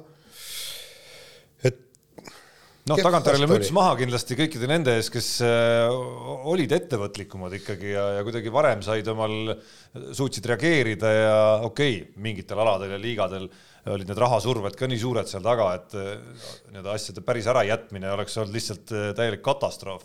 Et selles mõttes siin äh, ei ole üllatav, et võib-olla sellisest otsast nagu NBA-st ja jalgpalli meistrite liigast äh, ja tennise tippturniiridest saame otsida neid näiteid, kes ikkagi nui neljaks võtsid kätte ja tegid ikkagi oma asjad mingil, mingil moel ikkagi lõpuni. ja ütleme nii, et et jumal tänatud, et sport jätkus, aga olgem ausad, see, see ei ole ikka päris see, kui on see tühjade debüüd, ei, ei, ma räägin, jumal tänatud jätkub, aga päris see ei ole ja sport ei ole sel aastal olnud ikkagi selline nagu, mis pakuks seda totaalset mõnu nagu noh, totaalset mõnu ikka kätte ei saa. ja kusjuures ma pean viimasel ajal, ma just mõtlesin isegi vist eile korraks selle peale kommenteerides äh, BC Himki mängu Piraeus olümpiaakosega. Äh, mida mitte kusagil ei näidatud. et, et et kus, kus, kus ka pealtvaatajaid ei olnud ja no neid mänge on ikkagi väga palju viimasel ajal, kus saalis sisuliselt on tühjus ja erinevalt NBA-st ei ole seal mingitest liigadest ei ole seal mingit pandud kõlaritest ka mingisugust melu jooksma kuidagimoodi. et vaikselt on nagu natukene toimunud mingi äraharjumine isegi. ei ole, ei no, mina, mina tunnen küll puudust. mina tunnistan, et natukene ei. nagu on, kuigi teisest küljest ma tunnustan hirmsasti, minu arust see NBA lahendus oli ka nagu väga ägedalt tehtud, parim, mis nendes oludes teha saab. Need ekraanide kaudu inimesed seal pluss see mingid heli. no Leedu tõi selle ju öö, oma mulje ajaks tõi koju siis sätsis naha vahele. aga tegelikult, tegelikult on see, et, et noh, mis saab edasi, see on see kogu küsimus, me räägime mingist vaktsiinist me ei, siiamaani ei tea, kuidas see vaktsiin mõjub, kuidas ei, see töötab. mis mõjub, Jaan, mida sa jamad? Seda vaktsiini tuleks panna praegu konveierile, et on siukse automaatsüstad, lähed sinna, lükkad õla sisse, tuled, tõmbad välja tagasi, sammud edasi, on kõik. inimesed peaks seisma järjekorras. ei no esmalt tuleb piisavalt koguses toota. no, no tootke siis kiiremini, noh. Nüüd... ei no see ei ole sul päris maakaev. no jaa, aga vaadake, mismoodi Eestis oli. tuli see vaktsiin kohale, anti autole piparkooki ja kõik vägev värk, eks ole, nii. ja siis esimesel päeval süstiti ära kakssada inimest. no seda vaktsiini tuli rohkem kui kahesaja inimesele ju noh ja seal oli järgmine päev oli lõpuks oli mingi nelisada oli süstitud, vaktsiini on rohkem kui neljasajale inimesele. ja aga noh, Jaanik no, selles mõttes. ei, miks nad ei hakka, miks nad nagu täie tuuridega ei pane neid asju noh? ei, Peep, ma saan kõigest aru, aga me siiamaani. ja kõigile, ma tahan öelda seda, et nüüd uus aasta, eks ole, kaks tuhat kakskümmend üks, vaktsineerimine kohustuslik, absoluutselt peab olema kohustuslik ja mingit juttu, mingit vastuvaidlemist ei ole. süst sisse teine süst sisse, väike palavik ja korras. Ja oleme unustanud selle, mitte nii, et oi, ma ei taha, ma olen siin mingi vastane, mis, mis kuradi vastane, siis istu vangis, kui vastane tahad olla, tead noh, siis te isoleeritud minust, teistest inimestest. ja, aga noh, ma ütlen, proovin kolmandat korda öelda, et Jaanil selles mõttes on õigus, et ega me täpselt ei tea, kuidas see asi kõik hakkab siin nagu nii-öelda nagu välja mängima siis lõpuks. kaua see vaktsiin kestab? aitavad, kui hästi nad kestavad, mis tempos jõutakse neid manustada, äh, mismoodi see viirus käitub, mingid uued tüved, mis on veel kiiremini levivamad, mis tähendab, et vaktsineerida tuleb veel kiiremini ja veel rohkem inimesi. ei no kõik inimesed, räägitakse, kõik inimesed tuleb ära vaktsineerida. ei no see, see, et sa ütled, siin tuleb, ei tähenda, et seda praktikas suudetakse teha. miks ei suudeta siis, no tootku seda vaktsiini siis, noh pluss noh, seesama, et ei jõuta kindlasti ka nii kaugele, et kohustuslikus korras igaühele see ikkagi nagu sisse aetakse, on ju, no peame kihla, et ei aga pass on kohustuslik kõigil võida peame kihla, et seda ei juhtu. vot sellepärast, et jälle sinusugused libera-, liberaalid, eks ole, ei ole nõus sellega, et peab midagi sunduslikust tegema. jama no küllap leiame ka kui selle sa, tahad siia ringi käia, lased ära süstida, kui ei taha, palun, teeme nendele nagu indiaanlaste reservaarid olid. palun, sinna paneme need kokku. Sa ei pea, minuga selles mõttes vaidlema praegu, ma lihtsalt räägin, kuidas asjad praktikas on, et No et me ei tea, kuidas see asi hakkab nagu välja mängima. aga, aga aga noh, me näiteks- teame vähemalt seda, et spordimaailm hetkel viirusmaailmas on nagu ju noh, korralikult möllab. spordimaailm suudab siiski funktsioneerida, olles tõestanud ja leidnud mingid formaadid, kuidas, kuidas nagu asjad saavad mingil kujul vähemalt nagu ära tehtud ikkagi, kuigi see noh, ma ei ole kindel, kaua see jätkusuutlik on ja mis tase ja igal tasemel ei ole ka nagu näha, et äh, mingid alad, kus raha võib-olla vähem liigub, siis no on väga keeruline korraldada sellist Ei, mina sellisel nagu- moel proovide võtmist ja mullide ehitamist ja nii edasi. ei, mina usun, et äh, selles suhtes sport nüüd jääb nagu ikkagi kestma. sport jääb kestma. Aga- aga üks on selge- nii nagu ta praegult juba need, see teise laine, see laine, need kõrghetked juba on üle elanud, küll elatakse siis äh, lõpuni, ei ole mingi, ma ei näe mingit probleemi, miks ei saa nagu seda just, aga normaalseks see sport ei muutu enne kui ülejärgmisel aastal. ja noh ja pluss, pluss, kui me räägime nüüd sellest äh, kõige tähtsamast võistlusest, vähemalt mõne arvates ehk olümpiamängudest, siis äh, kas sa tahad öelda? Kas sa tahad öelda, ei, ütle nüüd, ole nüüd mees ja ütle välja, kas sa tahad öelda, et olümpia ei ole kõige tähtsam ma ei võistlus tahtnud maailmas? üldse seda öelda, vaid tahtsin öelda seda, et äh, vot selle mulje ehitamine on nüüd nagu hoopis midagi muud kui siin äh, kasvõi seesama NBA mull. kuule, jaapanlased ehitasid ammu juba kõik asjad valmis, enne kui siin meil polnud midagi olemas, mis neil see mull teha on siis? noh? jah, ma arvan, et, et see ei ole nagu probleem. kas te, ma mõtlen, kas, et kuidas nad praktikas nagu jõuavad selle, me ei tea, mis hetk, mis seis on viirusega sel hetkel, kui olümpia tuleb, aga et kas tõesti kogutaksegi kõik need, palju olümpial on äh, inimesi, kes on seotud korraldamise ja võistlemise ja need on kümneid tuhandeid Nojah. et kas reaalselt minnaksegi seda teed, et needsamad inimesed peavad kõik kaks nädalat enne kohal olema, proovid ette-taha igale no poole. väidetavalt žurnalistid ikka ei pea, oli viimane plaan vist. no vot, ma ei tea no,, aga isegi kui peame, siis mis siis peame. juhtub, kui ühel hetkel žurnalist Pahv mm -hmm. ikkagi on, selgub, on nakatanud kellegi seal ja nii edasi, nii edasi, et äh, väga huvitav, mismoodi see asi nagu lõpuks äh, välja mõeldakse siis. no eks saab näha. nii, meil on üks, üks tiitel veel välja anda enne kui jõuame top kahekümne viies esimese kohani ja, ja selgub, mis ja selgub, mis oli kahe tuhande kahekümne esimene või kahe tuhande kahekümnenda aasta kõige kõvem sündmus meie topis, on üks eriauhind veel välja anda ja selle eriauhinna nimetuseks, nominatsiooniks on siis aasta kaotaja ja selle kaotaja tiitli on endale saanud trummid põrisevad, fanfaarid lõrisevad. ma arvan, et midagi pahatahtlikku. Peep Pahv, ei no see on, see on pahatahtlik lihtsalt, see on nagu, nad, nad meelega sokutasid selle asja siia sisse, eks ole, ütleme faktiliselt ebatäpse no ütleme nüüd välja, mille eest ka Eesti korvpallitšempionaatidel medaleid välja ei antud. seega jäi Peep jälle ilma. no ütleme nii, et ma, aga ma võitsin, aga ma võitsin liiga ära, noh. mida sa võitsid? Liiga kus see medal ära on? kus on medal no? mis, mis medal? kalamarja ei ole endiselt No. medalit ka ei ole ei. no aga mis, aga. oota, aga play-off'is kelle sa alistasid? ei, mis play-off'is? ei, mis mõttes play-off'is? nii, aga kelle, kelle siis äh, Liverpool play-off'is al- alistas, kui tulid Inglismaa seal formaadis ei olegi play-off'i ette nähtud. seal jäi ka formaat, muudeti, muudeti formaati, mis on siis? no ei, tegelikult ei no muudetud. tiitlit ei antud välja, ei ole ju. just, Jaa, vot see on medalit ei ole üldse. tegelikult, tegelikult öö, ütleme niimoodi, et me võime jällegi Pe-, Peebu kolle laasida, aga see on minu ja minu jaoks on ikkagi pornograafia. kius, see, see töökius ei,. ei see on mis asi on pornograafia, et Peebu valisime ei. siia või see, et medalit ei antud Et medaleid ei ei no antud muidugi oleks tahtnud, et ta saaks võimaluse ennast ikkagi Just. nagu, ikkagi siis nagu medalimängus tõestada. no aga just, minu jaoks nagu tähtis oli ikkagi see, et me tõusime nagu aste kõrgemale, protsess jah, ja, ja, ja teekond, Ei, teekond. aga on on-, kuulsad filosoofid räägivad, teekond on tähtis. jah, aga tegelikult noh, no Ja- tagantjärele oleme kõik jube targad ja ei ole lihtne on vaadata siin, et mismoodi oleks võinud ikkagi pärast väikest pausi, siis kui mais, juunis hakkasid seal nii-öelda asjad lihtsamaks minema, juba oleks võinud siiski kuidagi minu meelest oleks võinud ka juulis mängida, pole küsimust. jah, just, aga, aga tegelikult öö, Tarmo, mis meil on kõrvale panna, kui vend veab öö, ei, sellest me ei räägi praegu. Mina räägiks, see ei ole praegu tähtis. ei, see on tähtis. nii, aga nüüd Okei,, aga nüüd ma nüüd usun, see laul mida ma te usun, kuulajad said aru küll, mis võtmes nüüd see laul, mida Tarmo esitas loomulikult valesti, tuleb nüüd ettekandel nagu õiges, õiges selles. trummid põrisevad, koerad lõrisevad, vapper sõõdurannapau, number üks.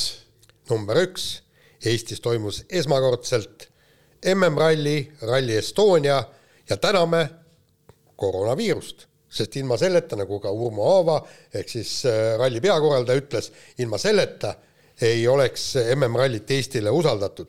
ja tegelikult, kui vinge töö öö, sai ära tehtud, ralli oli Viiruse võimas, kuusteist tuhat inimest suudeti sinna öö, raja kõrvale tuua, neile autosid näidata. Ott Tänak, Martin Järveoja võitsid selle ralli veel ära. No ühesõnaga, sealt hakkas see ralli MM-sari kenasti veerema pihta ja kõik kenasti ta ei veereb muidugi, aga ütleme, üritus iseenesest on muidugi suurepäraselt tehtud nendes just, ja, oludes. ja, ja kusjuures öö, annab lisa, lisapunkte annab see tsirkus, mis seal kevadel oli ja talvel-kevadel, et, et Rally Estonia pidi ära jääma, sellepärast et vaidlus Eesti Autospordi Liiduga saja tuhande euro pärast ja kui, kui kõik panna see kokku ja, ja mis tulemus oli, et sellest saaks ju tegelikult äh, Hollywoodi suurepärase filmi. ja, ja sinna nagu nii-öelda väikese lisaboonusena tuleb veel ära märkida kindlasti, et äh, selle komplekti sisse käib ka fakt ja teadmine, et Rally Estonia on ka järgmisel aastal. no just, just. see ei olnud nagu ühekordne oh,. tegelikult see on veel laiem, teie vaatate nüüd seda MM-rallit üksinda, aga ma tahaks öelda, et tegelikult tänu kogu sellele trianglile eh, nägid eestlased ju eh, tippsõitjaid eh, kaks korda sel aastal Eestis. ehk siis ka ju Lõuna-Eesti rallil olid Ožeed ja, ja, ja kõik vennad kohal, eks ole. et, et, et see andis nagu veel ühe võimaluse veel ühe ralli siin teha, mis oli ikkagi tõeliselt nagu tipptasemes, MM-tasemel rallides kõik kõik tippsõitjad olid ju kohal, eks ole, et, et see oli, see oli ka väga ja ka väga kihvtilt tehtud üritus, ei ole midagi ütelda. et äh, aga nüüd meil on jah, tõesti on Eestis on üks nüüd nagu päris, päris tippvõistlus on Eestis olemas ja oli see aasta, tähendab oli eelmine aasta, on nüüd uuel aastal, et, et, et see on kõva asi, see on ikka see nagu, see on nagu mingi nagu päris asi, eks ole ja, ja, ja, ja tegelikult noh see ei, ole mingi U, U seitseteist mingisugune puterdamine või paterdamine, tead noh. ja sama, samas kui hakata detaile uurima, kuidas öö, Urmo Aava ja tema meeskond, näiteks nad tegid ju selle Rally Estonia raja just see, sellise, et ta erineks Soome rallist. -hmm. oli ju kiiruskatsed, et seal oli pinnas võib-olla natuke pehmem, seal oli üht-teist-kolmandat erines, sellepärast et kui oleks kaks ühesugust rallit, no miks peaks andma Rally Estoniale võima-, võimalust olla MM-tasemel ralli. noh, see oli selle ralli juures nagu üks ilmselgelt nagu silmapaistev osa oli see nagu reaalne korraldamine jah, et see, et tehtigi ära, kõik oli hästi nii edasi. aga noh, selge, et see huvitav nii-öelda see hetk, kus oleks tahtnud kuskil kärbes seinal olla, et see periood oli veel seal eespool kuskil, kus noh, justkui oligi selge, et seda rallit ei toimu oli selge, et tuleb Dirtfishi ralli, siis hakkasid kõlakad käima, kuidas äh, äkki just Eestist võiks ralli mm hakata edasi kulgema ja, ja see mõnda aega. kusjuures kelle artiklist see peale läks? noh, see oli sinu mingi jaa, no aga mis tulemus oligi nii, kuigi kusjuures ma ei no päris pakkusin nii ei olnud, sest Ei sa, no- sa rääkisid Dirtfish rallist, absoluutselt ütlesid ei, aga ma seal kirjutasin ka, et koostöös Urmo Aavaga ja Ja tehke ära aga okei äh, aga elas ka mingil hetkel nagu mingis ruumis vähemalt ja ma usun, et ka Dirtfishi ralli korraldajate seas vist mingil määral siiski see teadmine, et äkki ongi variant. Jah. aga äh, kuskil oluliselt kaugemal äh, olid oma aastatepikkuse tööga su- suhetes rallimaailmaga jõudnud Urmo Aava ja Tarmo Hõbe ikkagi. ehk siis lõpuks nagu suhteliselt filigraanselt nende vaatevinklist mängis välja. sa jätsid Silver Küti muidugi ülekohtuselt praegu välja, aga mis ma tahtsin veel öelda, on see, et, et ähm, kui siiamaani alati mõelda, et niisugust noh, suur noh, MM-ralli, no see on nagu mingi suur-suur asi, eks ole. Et selle korraldajad on ka mingid siuksed noh, noh mingid suured inimesed, ütleme, kes ütleme meiesugusest suvalistest äh, tüüpidest on kuskil kõrgel ja kaugel. ja siis tegelikult vaatad, et Urmo, ralli peakorraldaja Urmo Aava, noh, mingi sihuke jõmm, kellega oled siin aasta, no ütleme aastaid, aastaid, aastaid ütleme koos olnud mingitel rallidel käinud, ütleme istunud, rääkinud igast ime, imeasju kokku. et, et ei olegi mingid äh, inimesed teiselt planeedilt, vaid täiesti nii-öelda tavaline inimene saab korraldada MM-rallit, noh. no mis see tähendab, tavaline inimene, päris tavalised inimesed nad ei ole, ilmselgelt on neil kõrgele arenenud ambitsioonikus töövõime. Ei, seda küll, aga ta on ikkagi, ta on nagu Jaan, nagu ta oleks Urmo Aava siin on Jaan siin, mingit vahet ei ole ju tead, noh No samasugune, ta ei ole nagu, mingisugune, kui ma väikse poisina võib-olla vaatasid mingit võistlust või asja, siis tundus, et see kõik on ikkagi nagu see kuskil nii kaugel, et see on nagu ebareaalne nagu. Aga tegelikult jah, et aga tegelikult reaalsuses Urmo Aava on ju tegelikult äh, oma olemuses väga lihtne inimene ja tavaline vend ja teeb siukse asja ära, no ülikõva, noh, väga kõva. noh. Just, see, ja- ja- see ja- saab olla üldse nagu võimalik, noh, selles on, seda ma imestan. just, aga, aga sealt äh, peaksid saama ka paljud teised motivatsiooni. kõik on võimalik. kõik on võimalik jah, jah. ja. hakake tööle, noh, seal ongi plaan, vahendid, kuidas see öö, kett käib, eks, ja, ja lõpuks ongi toode ja, ja täiesti suurepärane toode. ja et noh, see ei tulnud ju nipsust aastal kaks tuhat kakskümmend äkitselt see mõte ei hakanud Ei, idanema. seda muidugi, see kõik seda oli juba aastaid tagasi.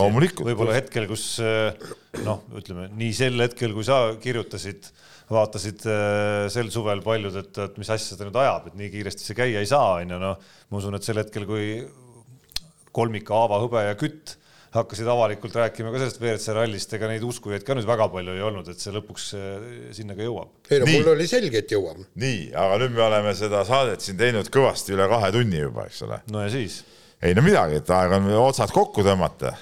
noh, oli lasta aasta nagu oli lõpulaulu ja, ja nii edasi, eks ole. ja oli aasta oli nagu oli oli kusjuures äh, mina pean küll ütlema, et kui, kui me neid teemasid siin eile-üleeile hakkasime läbi hekseldama, siis äh, noh, justkui mingi eelmõte oli, et siin nagu koroona tõttu nagu noh, mingis mõttes nagu veidraks muutunud aasta, et siin ei saa nagu olla võib-olla piisavalt nominente isegi, aga tegelikult on küll. no tegelikult ikka ei olnud No tegelikult ikka tegelikult, on. tegelikult ütleme, et Edapäev koosneb ikka. paljuski ikka no suhteliselt top lahjadest kahekümne viie lõpp on ikka igal aastal natukene muutunud selliseks nagu lahjemaks. no täiesti kindel. lõpp, aga meil Lõpp antud juhul, meil tummisem antud juhul, Peep, ma räägin vastupidi, nii kõva lõppu top kahekümne viiel pole kunagi olnud. nii et tegelikult oli kõige kõvem aasta, mis on seni olnud. aga see vahepealne osa jäi kehvaks. Aga, aga, aga ega siin muud pole öelda, et, et esmaspäeval me oleme jälle eetris. esmaspäeval siis. või teisipäeval, ah, mul lähevad sassi need asjad. Äh, siiski ütleme, eks see kaks tundi ja minutit Kuule, peale on tegelikult öeldes nagu kõva kõva katsumus tegelikult. hakka, hakkab tõesti ajule juba. nii, aga paneme nüüd selle saate kinni ja, ja laseme muusikat. jaa, ja uut aastat. head